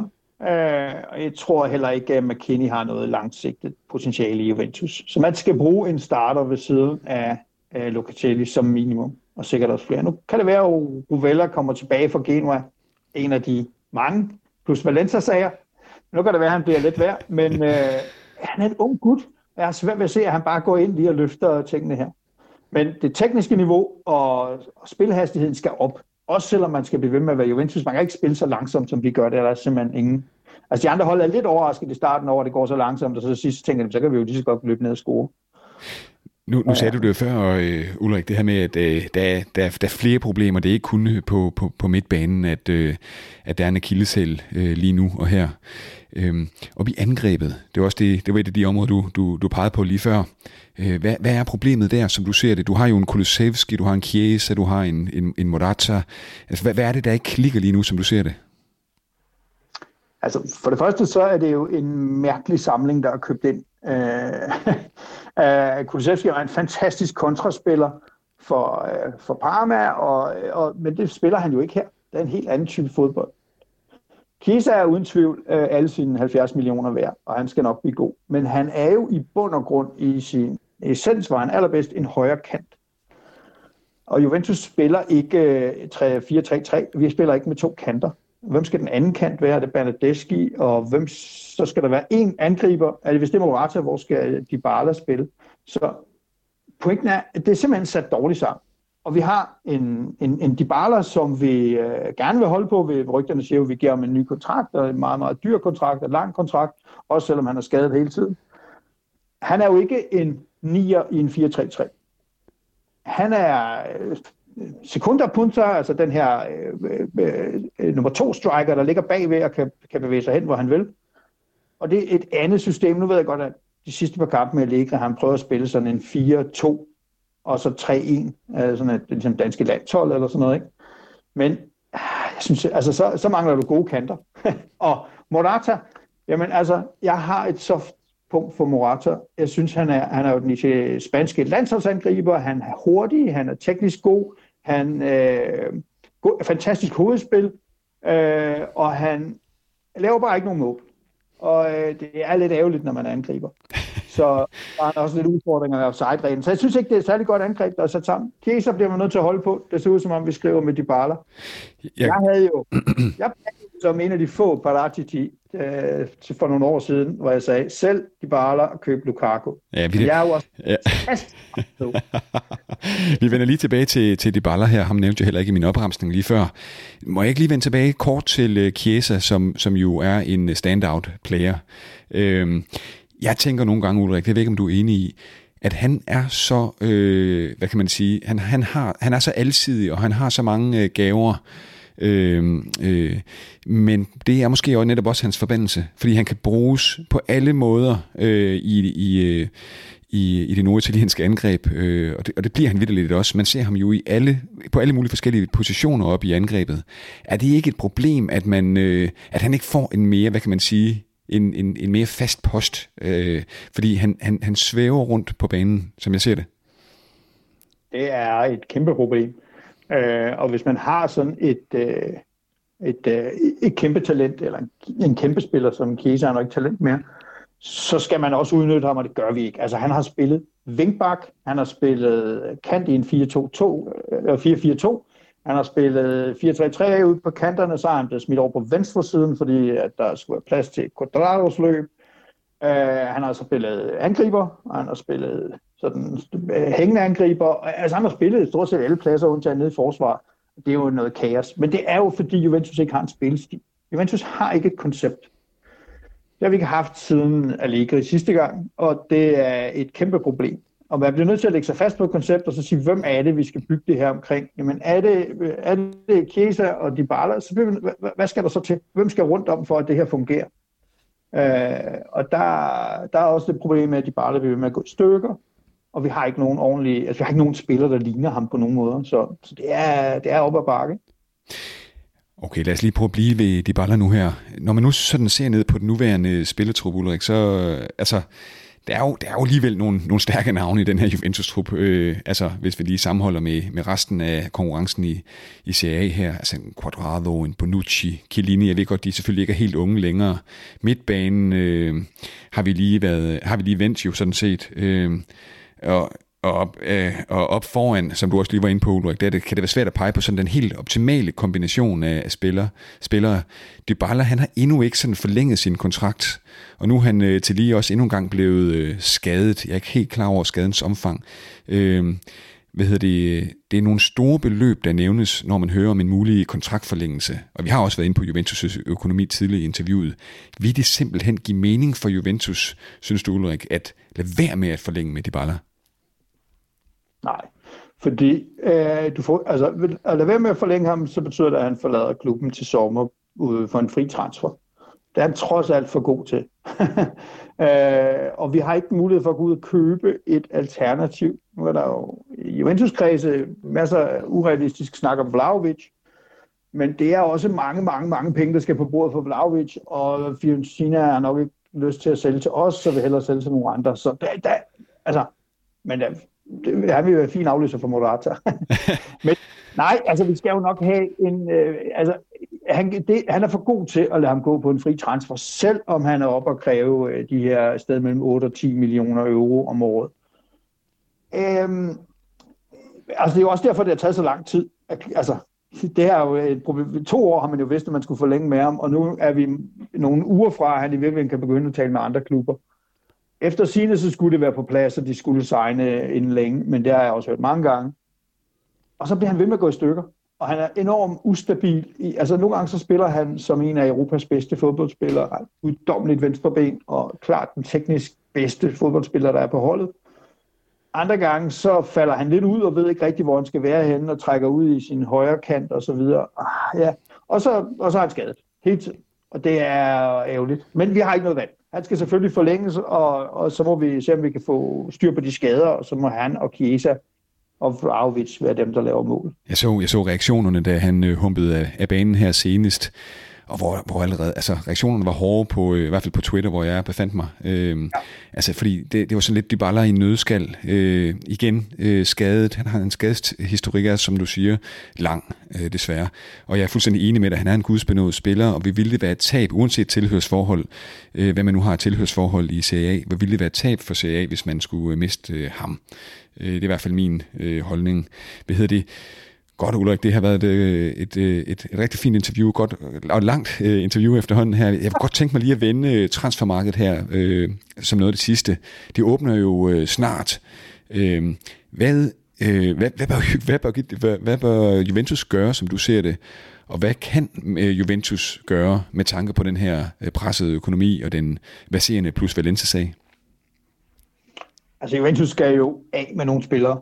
Øh, det nåede jeg ikke engang at tale om dengang med midtbanen, men vi har jo altså en spiller, der hedder Ramsey, som får 8 millioner euro om året for at, at spille øh, for Wales indimellem, og ellers intet lave og være udulig, når han spiller for os. Og vi håber jo, at der er nogen i Premier League, der er så blinde, at de har lyst til at tage ham øh, fra os, og, og, og at de kan få ham gratis. Vi skal bare af med den løn. Øh, så håber jeg, at øh, vi måske kan komme af med nogle andre ting. Det er ikke så meget. Sandro måske, væk med ham. Han er også, virker som en, der ligesom er lidt brug for noget nyt. Så der, der er lidt ting, der skal afsted, men, men der bliver ikke lavet store kø. Øh, vintertransfervinduet er ikke rigtig et stort vintertransfervindue. Øh, man bliver nødt til at prøve at have lidt kontinuitet, og man bliver nødt til at prøve at bygge med det, man har, og så må man lave sin store investering om sommeren. Og Juventus, selvom man lige har lavet en aktieudvidelse og hentet næsten 370 millioner euro til sin kasse, øh, som skal lukke nogle af hullerne efter covid, og som alt andet lige stiller Juventus i en helt anden situation end nogle af de andre klubber. Øh, din egen klub har jo øh, lidt udfordringer med, med, med de finansielle systemer, øh, og, og, og det samme gælder over i Milan, som også har penge, og, og don't get me started på Roma, som jo er et, et fuldstændig vanvittigt gældscirkus. Så, så alle har problemer, og Juventus er en af de få, der kan lave den her aktieudvidelse, fordi vi har øh, Agnelli-familien, deres selskab Exor, som går ind og, og tegner øh, de her øh, aktier.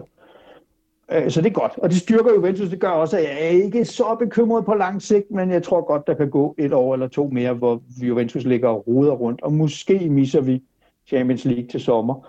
Det driller Juventus, eller fine indre folk mig ofte med, hvad så, hvis vi uh, misser det? Det var faktisk mit sidste spørgsmål. Det er det eneste mål, uh, det handler om nu. Det er den fjerde plads. Altså, Napoli må, må, må, må kollapse, og så må vi nappe den fjerde plads. Og så uh, er det det. Det er det eneste mål, det handler om.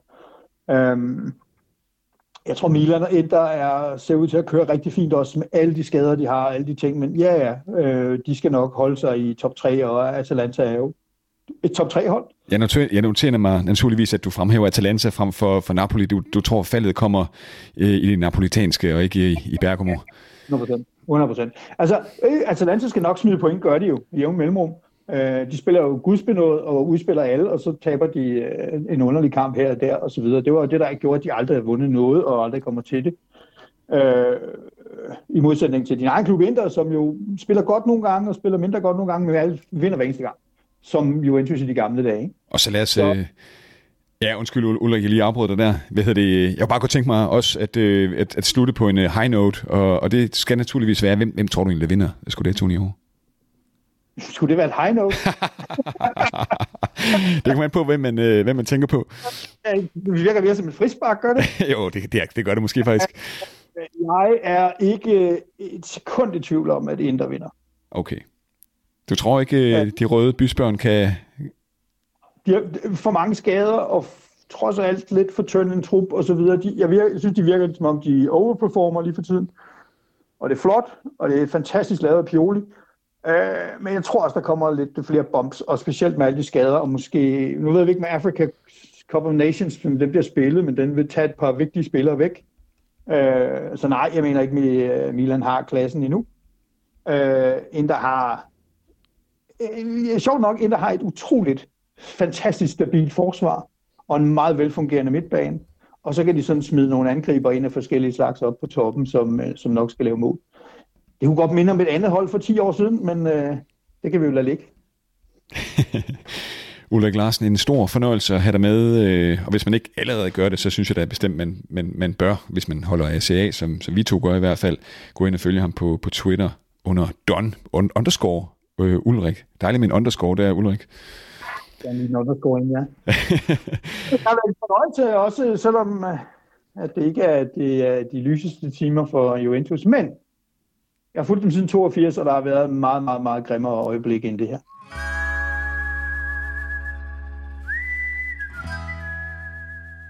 Da vi lavede den her podcast hver uge, der havde vi meget fokus på Serie Manager. Nu er vi i stedet for gået over til at anbefale tre spillere til hver runde, og det gør vi i det nyhedsbrev, som øh, holdet.dk sender ud inden hver runde. Man kan sige, for vores eget holds vedkommende, der, der har vi vel, øh, det har været lidt af en rejse for os to, Christian, med Bajos Piskholdet. Øhm, man, jeg, jeg, nogle gange så tænker jeg lidt på os to som, øh, som Frodo og Sam i Ringenes Herre. Altså vi har set øh, døden i øjnene, vi har stiget døden i øjnene, og vi har tyndslet huden på fødderne på vejen op af, af bjerget, fordi vi lagde jo simpelthen elendigt fra land. Vi satte meget på Juventus, og Chiesa ville gøre det godt. Og, øh, og vi havde ikke rigtig set, at Inter kom så godt fra start, og vi, vi lå virkelig, virkelig langt nede. Men øh, skridt for skridt for skridt er det begyndt at gå en, øh, en lille smule bedre, og jeg tror, øh, nu har vi her mod øh, spillets slutningsnede os ind i, øh, i top 100, blandt, den, blandt de bedste 1%, og så føles det ikke helt så, øh, så forkert og komisk, at det ligesom er ligesom os, der får lov at sende anbefalinger ud hver uge. Øhm, men nu er det sådan, som øh, vi fortalte i indledningen på podcasten, at øh, holdet.dk de har åbnet for det øh, managerspil, der kommer til at køre i foråret. Øhm, og derfor har vi tænkt, at vi gerne vil forsøge at komme med nogle, øh, nogle flere indspark og nogle flere anbefalinger, end bare de tre, som vi sender ud om ugen. Så vi har lavet en lille sådan, holdet øh, sekvens her i Bajos Pisk, og Christian, jeg ved, øh, vi har begge to skrevet rigtig meget frem og tilbage om, øh, om spillere her på det seneste, og vi har været inde og snuse lidt. Og jeg ved også, at øh, du satte dig, du hældte et stort glas øh, rødvin op i weekenden. Du glemte alt om tid og sted, og så gik du ellers øh, på jagt efter, efter spillere. Og øh, fandt du så noget guld på, på bunden af brønden? Er der nogen, man skal have? Jeg tænker måske, vi kan prøve at, at gøre sådan, at vi starter med, om, om, om der er nogen målmænd, øh, man skal kigge på. Ja, lad os gøre det. Øh, forspillet er øh, derude om hvad, to-tre to, tre ugers tid. Øh, I hvert fald i begyndelsen af det nye år, tror jeg det hedder 6. januar, første, den første runde i forårsudgaven. Og øh, som altid, så, øh, så handler det jo lidt om at, at finde ud af, hvordan ser kampprogrammet ud først og fremmest. Er der nogle, er der nogle hold, som har et, et særligt fordelagtigt øh, kampprogram? Og øh, det er der, og det vender vi lige tilbage til. Og hvad med formen? Hvordan, øh, hvordan ser holdenes øh, formkurve ud lige nu og her?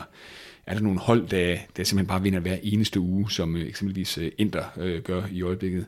Og så er der selvfølgelig også øh, prissætningen af, af spillerne derinde. Er der nogle, øh, er der nogle hvad kan man sige, kup, som man øh, næsten bliver nødt til at tage? Man havde jo nogen i efter, efterårsudgaven, som Filippe Andersen. Øh, der var også en... Øh, fra Lazio.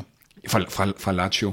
Og så var der jo også øh, Fabian Ruiz, øh, synes jeg også var, et, øh, var sådan en... Man, man kunne bare beholde ham næsten i alle 18 runder.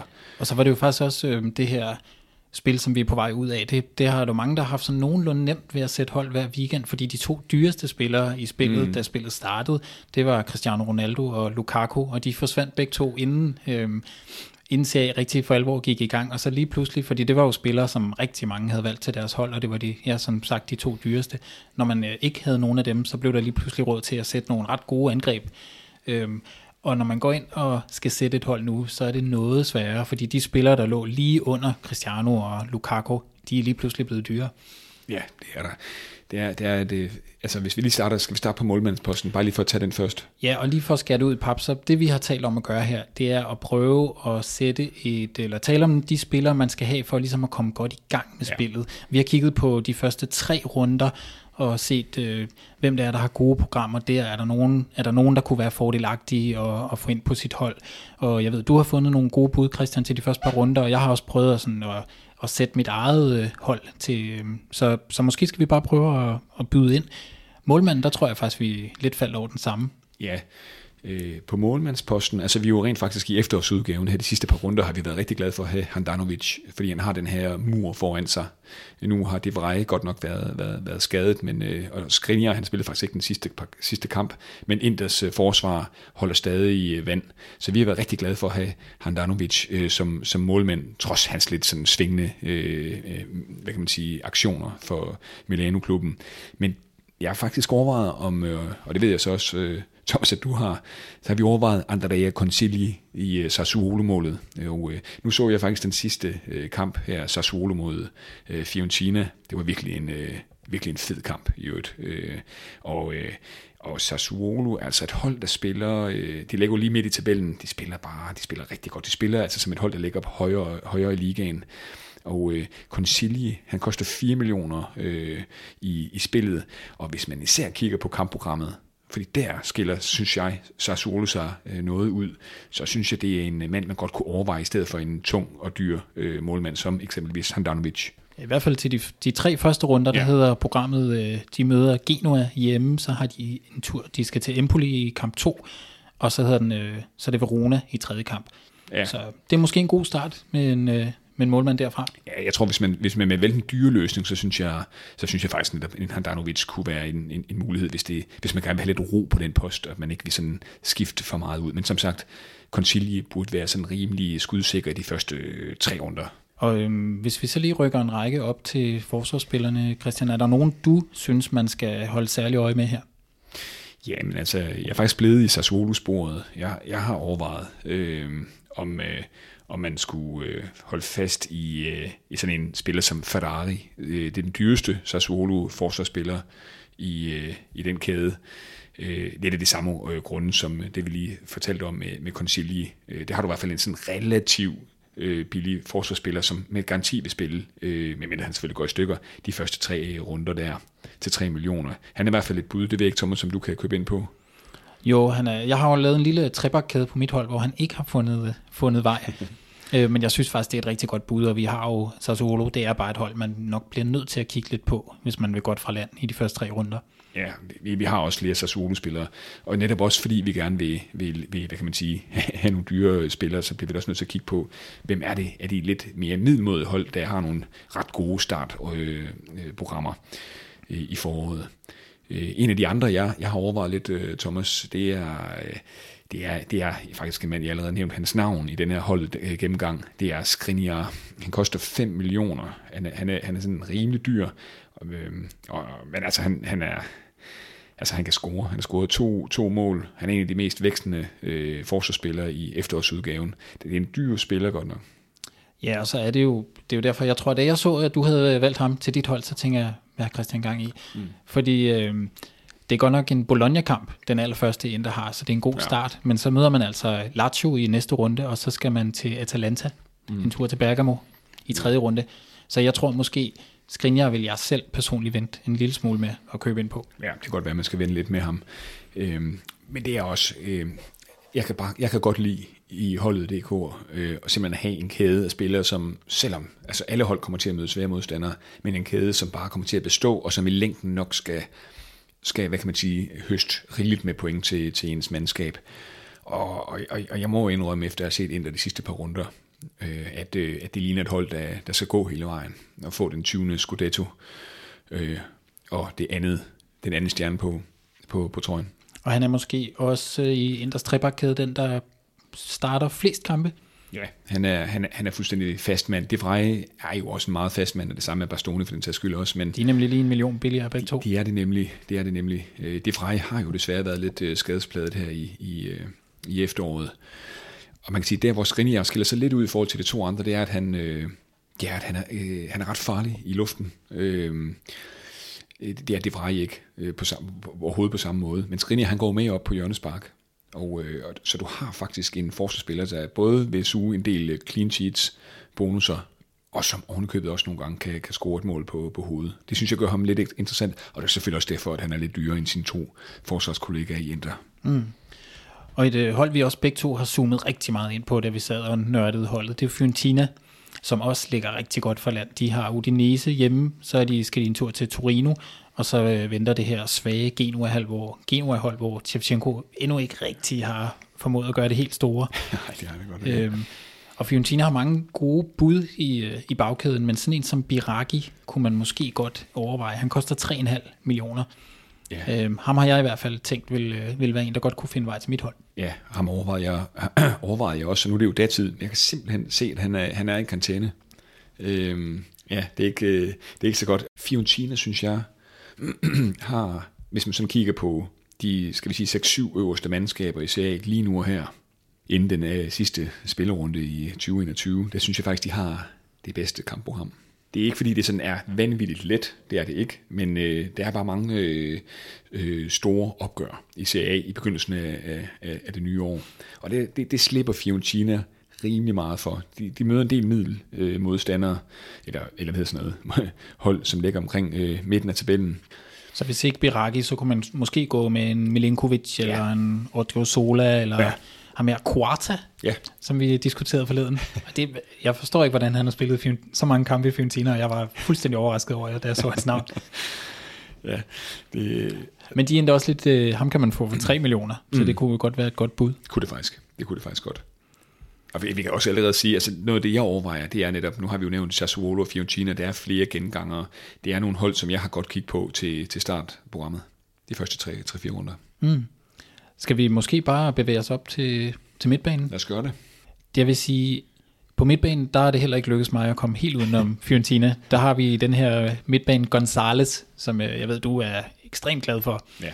Øhm, jeg ved ikke, om han er helt oppe i must-have, det er han nok ikke, men han har gjort det godt. Fiorentina har et godt program, og han koster 4 millioner, og han er, står som midtbane. Så jeg tænker, det er, et godt, det, det er en, der er værd at holde øje med. Ja, det, ja, det er sådan set meget enig i. Han er nok en af de mest sikre løjtnanter ved siden af, af Vlaovic op i angrebet. Øhm, det er jo et angreb, som, øh, det er jo et angreb med mange løjtnanter til Vlaovic. Øh, du har også set en løjtnant som øh, Sotil, øh, som også spiller nogle gange. Han står til 2,5 og som midtbanespiller. Øh, du har også set en Saponata på midtbanen, den koster så 3 millioner. Og øh, så netop Nicolas Gonzalez til, til 4 millioner. Jeg vil sige, øh, har man råd til Nicolas Gonzalez, så, øh, så kunne han være, altså så er han det bedste bud af, af dem her. Der er jo også Josef Marley øh, på midtbanen til 2,5. Ham har jeg faktisk et lille øje til også. Han har scoret øh, et, et, et, par mål her i de sidste par runder. Jeg synes faktisk, hvis man, altså hvis man skulle, man kunne måske lægge et lille en lille kanin i hatten med, med, med valget af ham. Har man lidt flere penge, så kan man også supplere det, eller vælge i stedet for Nicolas Gonzalez, som du siger, Thomas. Mm. Og så er der faktisk et helt uh, tredje hold, vi ikke har haft så meget op at vinde, som jeg også har haft lidt kig på, uh, som også får en god start. Verona mm. kommer faktisk uh, rigtig fint fra start, og uh, de har de her to meget, meget offensive spillere, som begge to står som midtbaner, og det er dem, der ligger bag uh, Simeone. Uh, både Barak og Caprai har jo lavet masser af både mål og assist. Øh, Bardak måske mest spændende, fordi han også tager straffespark. De koster begge to 4 millioner. Og øh, når programmet, startprogrammet for Verona, det hedder Spezia ude, Salernitana hjemme, og så Sassolo ude, så kunne man måske godt kigge mod, mod de to herrer der på midten. Ja, altså, det er jeg enig i. Det var, da, da, da, da du kom med dit første, din første udgave, der havde du de her to spillere på holdet, og jeg, da jeg lavede mit, min første udgave, der havde faktisk ingen af dem på holdet. Så var jeg lige inde og kigge på kampprogrammet igen, og du har faktisk ret. Det er et ret fordelagtigt kampprogram, de har Verona. Øh, jeg tror, jeg vil vælge en af dem. Øh, den, og, det har jeg på en eller anden måde en, den, den bedste fornemmelse med, med Barak. Øh, nok også den årsag, at han tager straffespark. Ja. Og straffespark, altså det bliver vi nødt til lige at understrege. Det, der, bliver, der, bliver, altså, der bliver taget mange straffespark i italiensk fodbold, CA. Det gør det bare flere end i de andre ligaer. Så det der med sådan at kigge mod straffesparkskytterne, det er altså noget, man bør gøre, hvis man vil spille CA-manager her. Ja, og et godt sted at kigge, det jeg mener, vi har været inde på Transfermagt, der har sådan, ja. hvor hvis man googler Transfermagt og øh, penalty takers i Serie A, så får man en, en liste over dem, som er øh, med størst sandsynlighed tager straffe, og de opgør sig også i løbet af sæsonen, hvem der har scoret på straffespark for de forskellige hold. Så man har det er et godt sted ligesom at danne sig et overblik, og hvis man kunne få et hold med 11 straffesparkskytter, så vil man, være, øh, så vil man faktisk komme fint, fint igennem, tror jeg. Ja, men, man så det jo, det er nok det allerbedste eksempel er jo Crisito i, i Genua, hvor, meget, altså, hvor godt det er at have haft ham. Øh, nu er det godt nok gået ufatteligt dårligt for Genoa, øh, både under Shevchenko og i tiden før Shevchenko ved roret. Men, men det kan godt betale sig. Det er en rigtig god idé at kigge på, hvem der tager straffespark, særligt i CA-manager. Det, det må jeg sige. Og så tænkte jeg lige, jeg vil vende tilbage til Sassuolo, fordi mm. Judicic kunne vi måske også godt uh, lige vende en gang til midtbanen. Han er også i det her prisleje, der hedder 3,5 millioner. Ja. Det er jo ikke meget for en... Han har heller ikke været sådan... Han kunne godt have været bedre i løbet af, i løbet af efteråret. Men, øh, men for 3,5, hvis man lige står og mangler, så kommer han alligevel frem til en del. Ja, ja. og han, han lagde jo for, virkelig, virkelig godt for land for Sassuolo i, i efteråret, og så gik han lidt i stå, faktisk. Øh, øh, og, og ja, 3,5, det, det er egentlig en rimelig nok pris for ham, synes jeg. Du har også en, som faktisk har skuffet mig rigtig meget, men som ser ud til at være kommet i omdrejninger igen, en Boga, øh, til 2,5 kun. Øh, det, og det er igen, hvad har du penge til? Øh, hvis det er en, en billig spiller, ligesom en Fiorentina, hvor jeg anbefalede Marley, øh, i stedet for en øh, Gonzales, jamen, så kunne Boga være den billige, det billige alternativ. 2,5. En spiller, der har pil, af, pil op af i øjeblikket, som jeg ser det, øh, og som er rimelig sikker på at øh, starte inden. Han, han har faktisk været en del skadet i efteråret, det skal også siges, og det er også grunden til, at han ligger så lavt i prissætningen. Det er fordi, man selvfølgelig ser på, hvordan han præsterede i løbet af efteråret. Han har ikke præsteret særlig godt, jamen det skyldes skader, og nu er han tilbage og har pil op. Jeg, jeg synes, sige, hvis man får den boga, mm, han var for, ja. hvad det et år siden, ja, to, øh, ja, måske to, ja. en af ligaens bedste dribler, ja. og, og farlig i næsten alle kampe, så to en halv jo, så skal man jo have ham. Han er, han er den der håndgranat, du kaster ind, øh, og fuldstændig lammer for os. Altså han, han er så hurtig, og så han er sådan en kanonkugle, der bare kommer flyvende øh, igennem luften. Han er, han er teknisk, og han er hurtig, han er, han er, han er en fryd for øjet. Og, øh, men han er ikke helt ramt den der Boga 2019-udgave nu, synes jeg. Og jeg ved ikke, har du egentlig flere på midten, Christian? Fordi ellers så kan vi godt hoppe op i angrebet. Ja, men altså, vi, jeg synes også lige, vi skal vende en ting på midtbanen, og det er, hvis man skal have en af de store, dyre drenge ind, hvem skal det så være? Øh, det er let nok, synes jeg, at finde nogen til angrebet. Må jeg gætte, hvor du er på vej hen? Mm, ja, det må du. Er det din egen klub? ja, det er det faktisk. Øhm, jeg har kig på, også fordi vi faktisk øh, i Bartos Pisk øh, har ham i øjeblikket. Han har virkelig været god for os. Han er en af de helt store forklaringer på, at vi, vi, vi har kravlet ind i top 100 nu. Hakan Chalanoglu til 6,5 er han prissat til igen. Øh, han er interessant. Han tager alle dødbolde for, for Inter. Og, øh, og nogen straffespark, hvis Lautaro ikke ja, er inde. Ja, og det, og det er det jo, man ser jo ofte, at Lautaro lige er ude, fordi man skal spare, og så har du Correa ind i stedet for Ladjeko. Og øh, hvis man skulle sige, og nu kan man sige, at den eneste anden spiller i spillet, det er Kessier. Nej, så er der også Pasalic, som, som jo faktisk er den mest vækstende spiller i efteråret øh, på midtbanen. Øh, altså af de tre til 6,5, så har du Chiesa til 7. Det, det, det vil være vanvittigt at hive Chiesa ind. Ham skal vi ikke brænde alderen på en gang til. det skal vi Jeg ikke. har stadig helt øh, to poser is på hver hånd efter, efter forårsspillet. Det var forfærdeligt, vi, vi lavede ud med, fi, jeg tror nærmest en Juventus-spiller i hver kæde, og så fik det den der forfærdelige start, og Ronaldo blev solgt. Nedsmeltning. Så, ja, så synes jeg, Hakan Chalanoglu er de allerdyreste, øh, er det mest interessante. Malinowski er lige pludselig blevet helt øh, dødelig med 6 millioner i pris i stedet for, var det ikke, var det ikke 7,5 han stod til? Eller sådan Jo, han var nærmest den næst dyreste efter Chiesa på ja, midten. ja, det mener jeg faktisk, øh, at han var. Der er også en Petesic øh, til, øh, til 5,5. Ja, Det synes jeg er for dyrt. ja, det er måske lige en halv for dyr. Diaz til 5,5 også. Mm. Jeg må indrømme, at øh, altså er de dyreste spillere, du har sådan en dumfris dernede til 4,5, er ikke sådan helt uinteressant. Øh, der er selvfølgelig rotationsfare. Men det må jeg faktisk sige, at Hakan Çalhanoğlu virker, det, virker for mig at se som det bedste, øh, den bedste af det dyreste på midtbanen. Ja, det vil jeg ikke ret i. Og jeg ved ikke, om vi lige skal faktisk smutte en tur op til angrebet så. Det tænker jeg er et godt tidspunkt. Og jeg vil sige, hvis øh, mit hold var en, øh, en netklub, så, er de, så er de tre angriber, jeg har valgt, det er dørmændene. Det er altså nogle ordentlige øh, brød, der er er blevet samlet. Det er det Øhm, faktisk. Jeg tænker, det er, det er værd at øh, kigge på øh, Skamaka i Sassuolo. Manden med, jeg ved ikke, om han har flest halstatoveringer i Serie men Jo, det har han. Det, ja, jeg ved ikke, for, ja, det må han næsten have.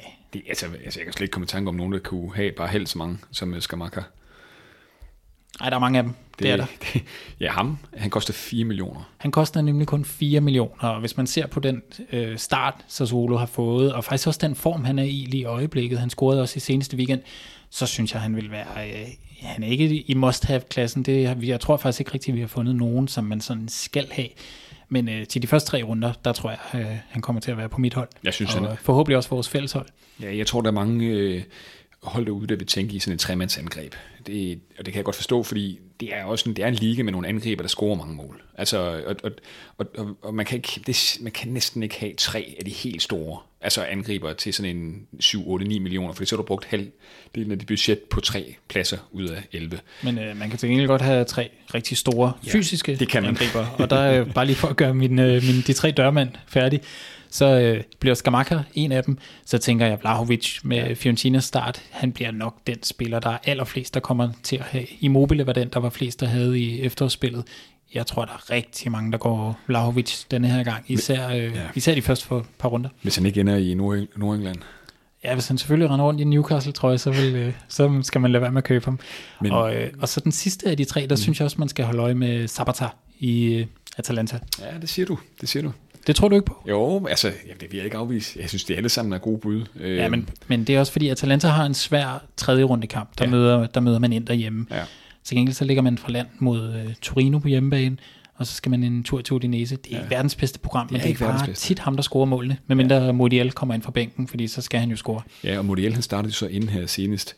Øh, Det er jo altid en lille rotationsfare nu, for, også fordi nu Modiel han bliver brugt lidt mere i Gasparini nu her. Øh, Det bliver man også nødt til. Det er en lang sæson. Men altså, man skal også bare, han koster alligevel 8 millioner. Og, Ja, måske er han lidt dyr. Det måske blev jeg bare forelsket i, i tanken om, om dørmændene. ja, men det er, godt- det er virkelig godt bud også, synes jeg. Betania har måske af samme grund også været i spil. Skal vi have ham ind, eller hvad? jeg, jeg synes, Gamak er, er ret fint set. Og i virkeligheden, øh, må jeg indrømme, nu har vi talt om Sassuolos rigtig fine startprogram, synes jeg faktisk alle tre i angreb. Altså nu, bare roligt, man skal jo vælge en, ikke to. Men Skamaka, Raspadori og øh, Berardi til 5,5, og Raspadori til 4, ligesom Skamaka. Jeg synes faktisk, alle tre er ret interessante. Mm. Altså øh, til 5,5, en landsholdsspiller, han har så høj klasse. Øh, Ja, Berardi. Berardi tager straffespark. Og frispark. Og frispark. Og hvis man har den der halvanden ekstra der, øh, jeg må, ja, ja, det er tæt kamp, synes jeg det op. Jeg, jeg kunne godt faktisk hælde det til Skamaka, som du siger, til fire. Det synes jeg godt nok er en fin pris. Hvad hedder det? Ja, det er jo fordi, han er billig. Hvis, hvis uh, Berardi koster det samme, så vil, jeg, så vil man måske mm. gå med Berardi, men det er også halvanden million mere, og ja. det er ikke sikkert, man har det. Nej, det er rigtigt. Og så er jeg enig med Dusan Vlaovic, møder Fiorentina hjemme, har Torino ude øh, bagefter i runde 2, så har de Genoa hjemme i runde 3. Det er det, man kan kalde et ret fint startprogram til Fiorentina. En mand, der er så varm, næsten score i hver kamp. Han er, han, kan, han er et must. Jeg spår, nu kan vi jo ikke se trendlisten den, men jeg vil tro, han bliver, kommer til at blive ejet omkring 40% af af managerholdene. Og hvis vi så, øh, hvis vi så glemmer alt om, mm. at jeg gik med Zapata, Ja. og skulle finde en, øh, en tredje mand til angrebet, er der nogen, du har kigget på lidt? Ja, men det, det, jeg har kigget på Lautaro Martinez, Ja, det tænkte jeg nok. Og det, øh, altså, man kan sige, øh, han koster lige så meget som, øh, som Sabata. Øh, og, øh, og så, altså, man, og der, når man er oppe i det der prislabel, bliver man også nødt til at tænke på, på, på, på den lange bane. Øh, hvem, hvem tror man på i den her sæson her? Og det der med at have en have den sikre, eller den mest sikre angriber i den klub, som nok lige nu ligner favoritten til, til, til, til, til mesterskabet, synes jeg er interessant. Øh, man man ser jo nogle gange, at han bliver roteret, øh, naturligvis. Øh, nogle gange så, så er det jo Diego og, og, og hvad hedder han, Korea, der, der, der starter inden. Øh, så bliver han sparet, og det kommer man nok også til at, til at se i løbet af foråret, men altså, så kommer han alligevel ind i anden halvleg. Det så vi jo også her øh, senest, ikke? Ja, ja, altså et angreb med, Og han er vel, hvis man skal vælge Inders bedste angriber, så er det vel ham, man peger på. ja, men nu kan man kunne sige, i foråret er øh, Djeko blevet noget dyrere. Altså, øh, der var rigtig, rigtig mange, og det, vi, har, vi har jo ikke haft Djeko på vores hold på noget tidspunkt i efterårsudgaven, Thomas. Det, det, det burde vi nok have haft. øh, men, øh, men som jeg husker det, så kostede Djeko 5 millioner, da spillet startede, eller var det 5,5 måske? Øh, altså efterårsudgaven, nu koster Jeg kan høre, et, øh, lige inden du nævner prisen, høre, at du har taget vores... Øh, vi fik jo, vi havnede nærmest i en shitstorm. Ja. Der var jo en, der skrev til os, at Ja. vi skulle lære at udtale Ja. uh. Edin Tjekos navn. Men, men vi siger det rigtigt nu. Ja, Tjeko. Djeko med J'et. Ja, Husk det nu. det var ikke rart. Det var en, Husk en, en, Christian. en shitstorm, der varede i, jeg ved ikke, Jamen, vi har det var prøvet- længe. Vi har aldrig prøvet noget lignende. Altså, Nej. vi, vi har, altså vores somi øh, med, vores somi medarbejder har ikke næsten ikke kunne sove. Alle, Øh, alle måtte i sving.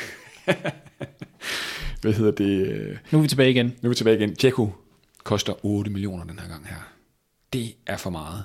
Og det er for meget, fordi at det er en mand, der er godt op i årene, og som ikke kommer til at spille øh, alle kampene. Hvis du kan få Lautaro Martinez til samme pris, så er det ham, man tager. Det er det bare. Altså Djeko til 8 millioner, det, øh, det, det, det kan godt gå hen og være det, det værste køb, man kan, man kan begå op i angrebet til den pris. Ja, og øh, det er som om, at den pointe, den lyder sådan, altså man kan næsten ikke lade være med at øh, give dig ret, når du lige efter du har sagt det, kommer nærmest en helt dadelkugle op i den ene kindpose. Jamen, jeg tror faktisk, jeg var meget tilfreds med, det var, sådan lidt, det var måske sådan lidt øh, hårdt sagt også om uh, Djeko.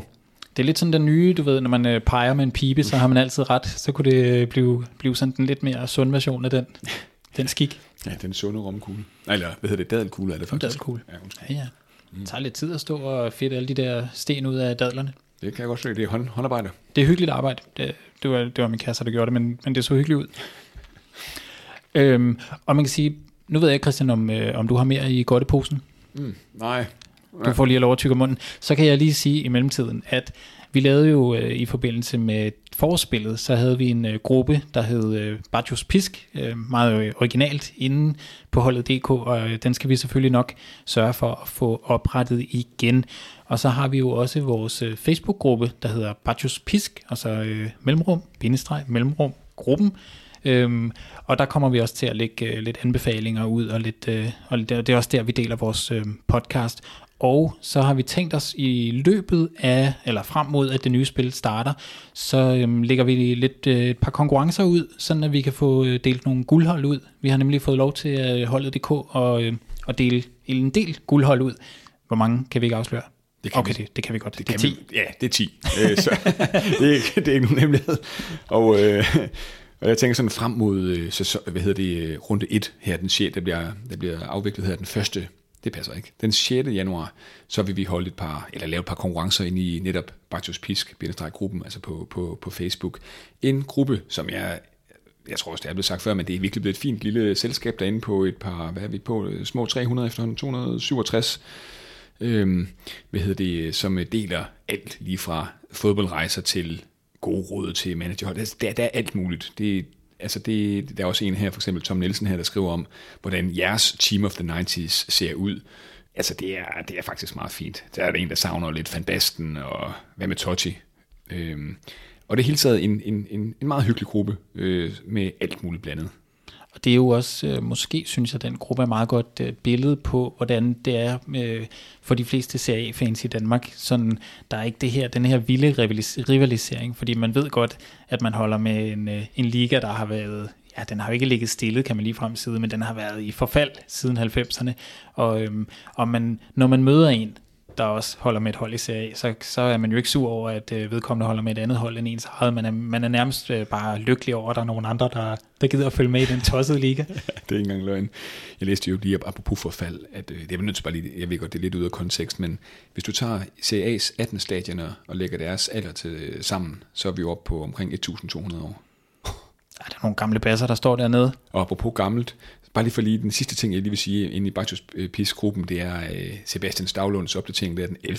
Øh, december, hvor han simpelthen står nede på det lokale marked i Bologna, hvor han bor, og der finder han simpelthen en album del Calcio. Altså det er sådan noget, det kan du ikke bare lige finde i, i en eller anden boghandler her hjemme i Danmark, eller øh, du kan måske finde det på et eller andet, en eller anden lille kro- afkrog af eBay, hvis du, hvis du er heldig, med fotografier og avisudklip fra calcio-verdenen op gennem 1900-tallet, fra Pro Vercelli til Grande Torino og så videre, så videre. Det er, det er jo et fund. Altså, øh, den jeg gad jeg faktisk godt at købe dig, Sebastian. Okay, Hvad, hvor meget vil du give? Ja, det kan det. Det, Det tager I i DM's, i det privatbeskeder? tager vi i DM'erne. Okay, okay, okay. Men øhm, skal vi bare runde holdet af? Ja, det tænker jeg. Det tænker jeg. Vi kommer til at lægge vores øh, endelige hold ud, øh, inden vi øh, når den 6. januar. Det gør vi. En gang i det nye år, når vi engang bliver enige. Det er jo noget, der tager lang tid. Det er det. Det er det. Det skal Men, finpudses. men, men man kan godt lige sådan, hvis man lige skal lave et lille kort wrap-up. Vi har primært kig på Sassuolo og Fiorentina, og jeg har nok lidt kig på Inter også. Og sådan en lille bitte, bitte smule kig på Verona også. Nå ja.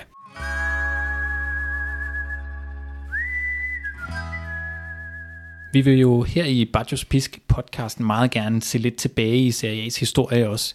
I den seneste udgave, der øh, læste du, Christian, et øh, længere op, øh, uddrag op fra en øh, bog, der er skrevet af den gode Kenneth Hansen, som øh, mange nok kender fra Serie A-kommentator, eller han er Serie A-kommentator og vært på Medianos Serie A-magasin. Han har skrevet en øh, bog, der hedder Den Unikke Klub, og den handler om spillere, der har videt deres liv til kun én klub. Øhm, det er en bog, som øh, han faktisk lige har været hjemme og afleveret i min postkasse i den her uge. Jeg ved, han kørte lidt rundt på ladcyklen øh, og også noget forbi Nørrebro, så den glæder jeg mig til at læse. Øhm, sidste gang, der hørte vi et, øh, et uddrag fra et kapitel om Paolo Maldini, og heldigvis har vi endnu en gang fået lov til at læse lidt op øh, fra bogen.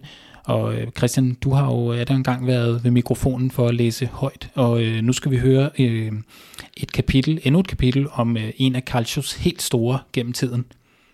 Kan du øh, fortælle, hvad du har haft gang i? ja, det er som sagt øh, Francesco Totti, der er, er genstand for vores øh, retro-afsnit i dagens udgave af Baccios Pisk. En, en spiller, en af de allerstørste spillere i, i hvad kan man sige, i, i uh, italiensk, uh, nyere italiensk fodboldhistorie. Og som det også uh, rigtig nok er en, der skriver ind i Baccios Pisk-gruppen, en af de allerstørste nok i, i, i nullerne. Øh, en, en spiller, som er den største, vil jeg, ja, han er den største spiller i AS Romas øh, øh omkring 100 år gamle historie. En spiller, der blev kaldt alt fra den 8. konge af, af Rom til den store baby, øh, for, fordi han også nogle gange var meget teatralsk på, på banen. Men en kaptajn af, af Guds nåde, så her er altså et kapitel fra Kenneth Hansens nye bog, Den Unikke Klub, om Francesco Totti. Den Unikke Klub Roms 8. konge i 12 minutter omkransede en larmende stilhed Stadio Olimpico. I 12 minutter fulgte samtlige øjne i Rom hver en bevægelse fra manden i midtercirklen. Akkurat som i tiden i det gamle Colosseum, når den tilbagestående gladiator havde svunget sit svær i triumf en sidste gang. De 60.000 fremmødte balancerede i begge yderkanter af følelsesregisteret denne aften i slutningen af maj. De var henrygte over 3-2 sejren over Genua, havde sikret deres kæreste eje en plads i næste års Champions League.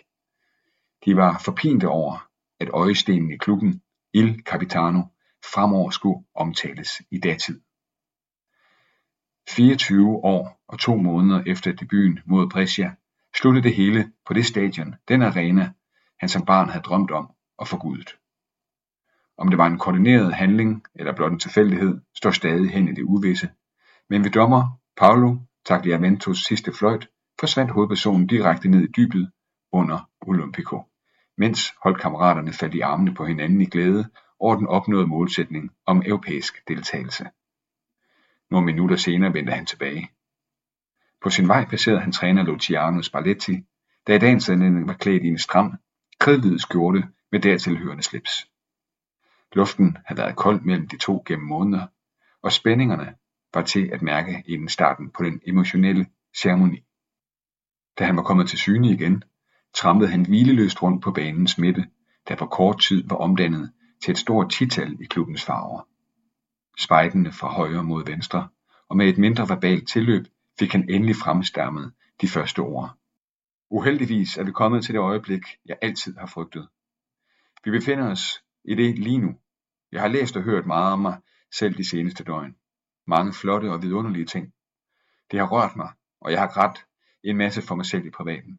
I har altid støttet mig, i medgang og i modgang. For det er jeg jer evigt taknemmelig.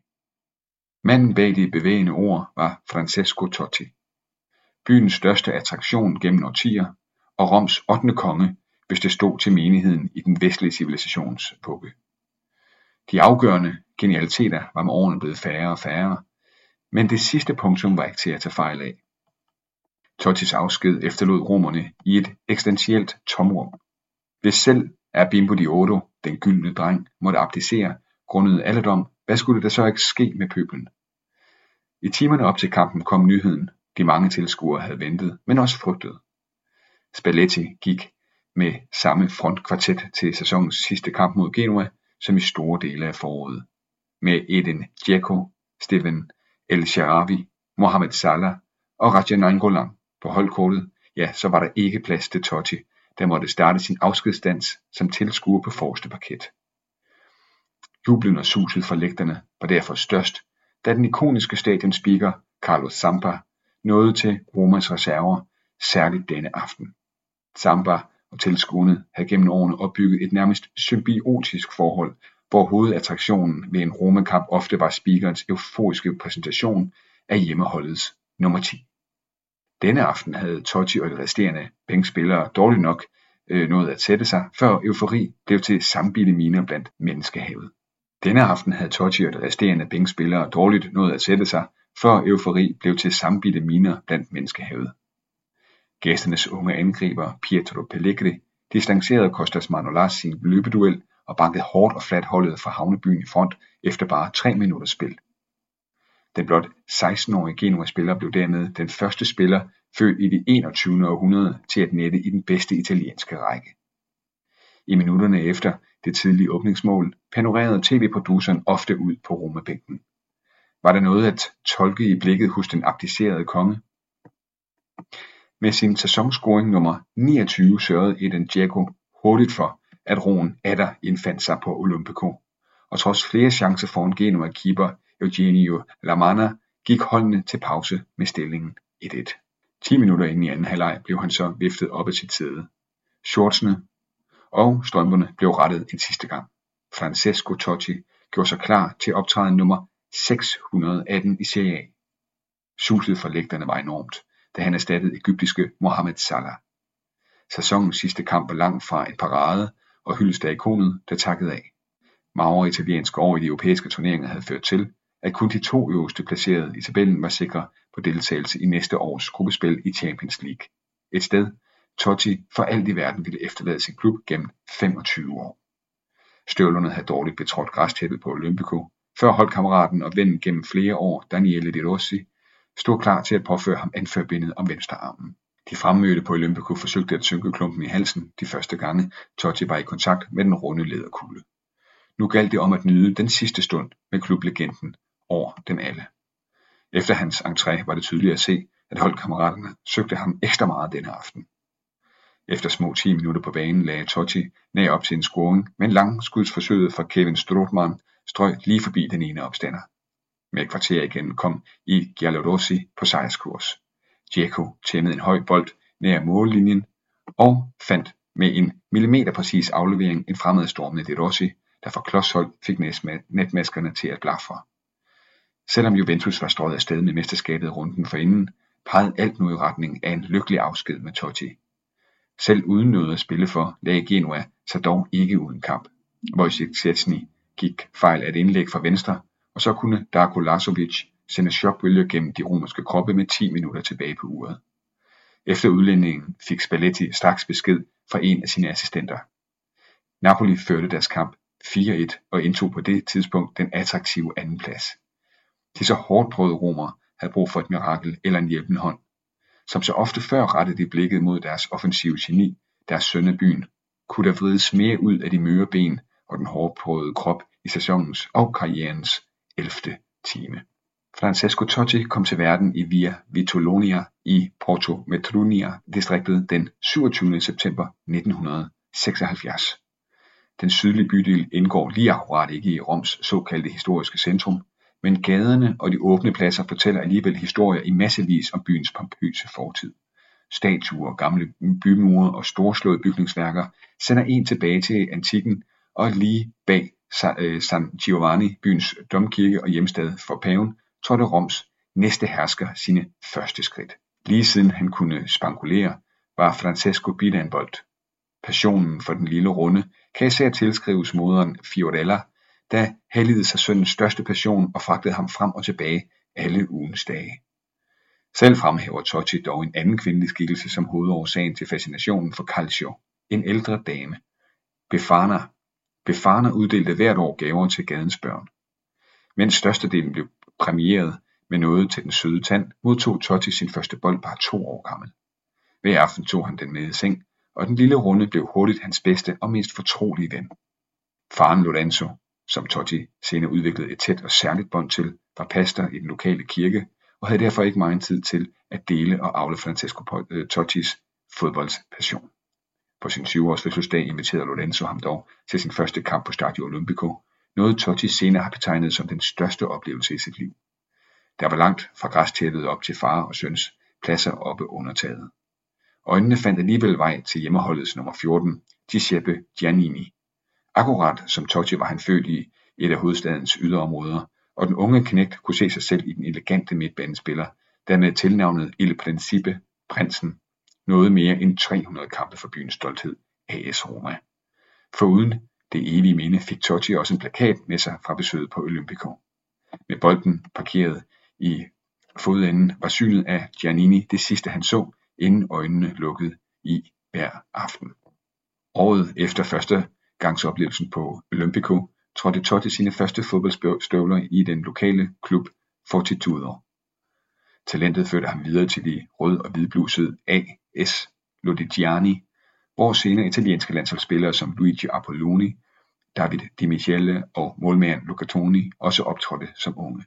Iført Lodigianis smukke trikot blev Totti hurtigt bydelens store samtaleemne. Hvem var den splejsede knægt med den udsøgte teknik og begavede fodboldhjerne?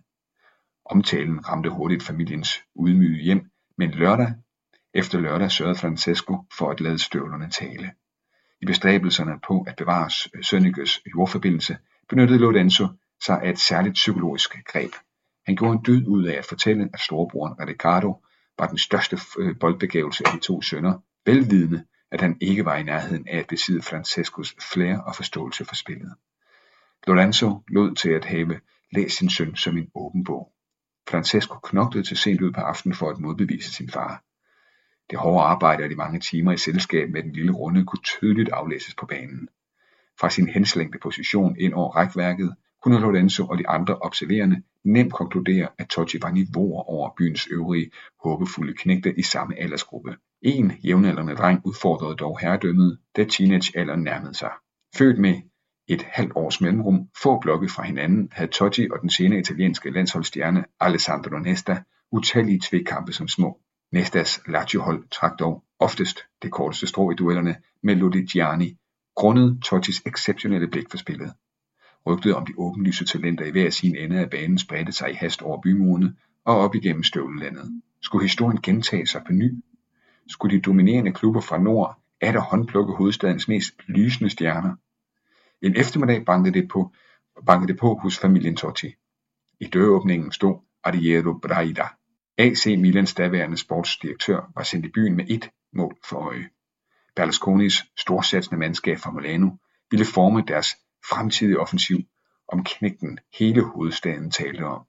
Guldfuglen skulle folde sine vinger ud, iført de klassiske striber i rødt og sort. I sin salgstale henviste Breida til Paolo Maldini, der som kun 17 år havde etableret sig som en fast mand på et ellers fuldvoksen og konkurrencedygtigt AC Milan-mandskab. Sportsdirektøren slog samtidig fast, at der ville blive taget hånd om lille Francesco døgnet rundt. Tottis mor Fiorella brød sig dog ikke om tanken.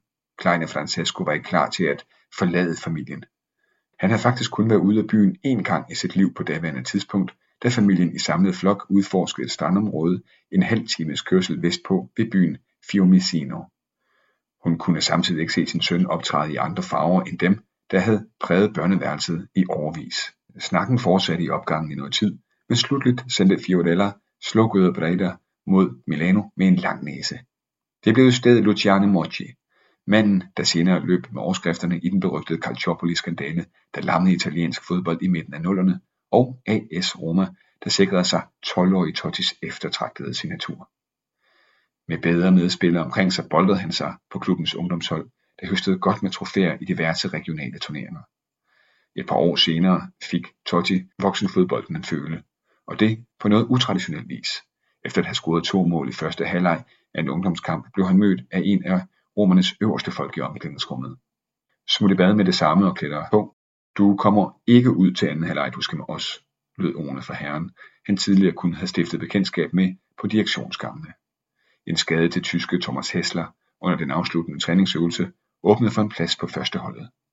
Få timer efter solnemålene mod Ascolis knægte sad han på flyet inden for en armslængde af sit store idol, Giuseppe Giannini.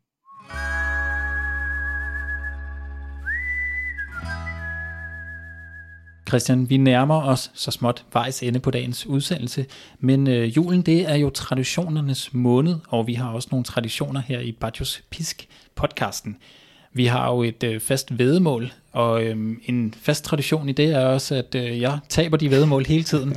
Vi har jo den her øh, Sampdoria Cup, vi spiller om, som øh, man kan drikke sin morgenkaffe af, og den har det lige en enkelt gang, tror jeg, jeg har været hjemme på Husumgade, hvor jeg nød den selskab. Ja. Men øh, jeg har det med at tabe de her vedmål, og det gjorde jeg simpelthen også igen.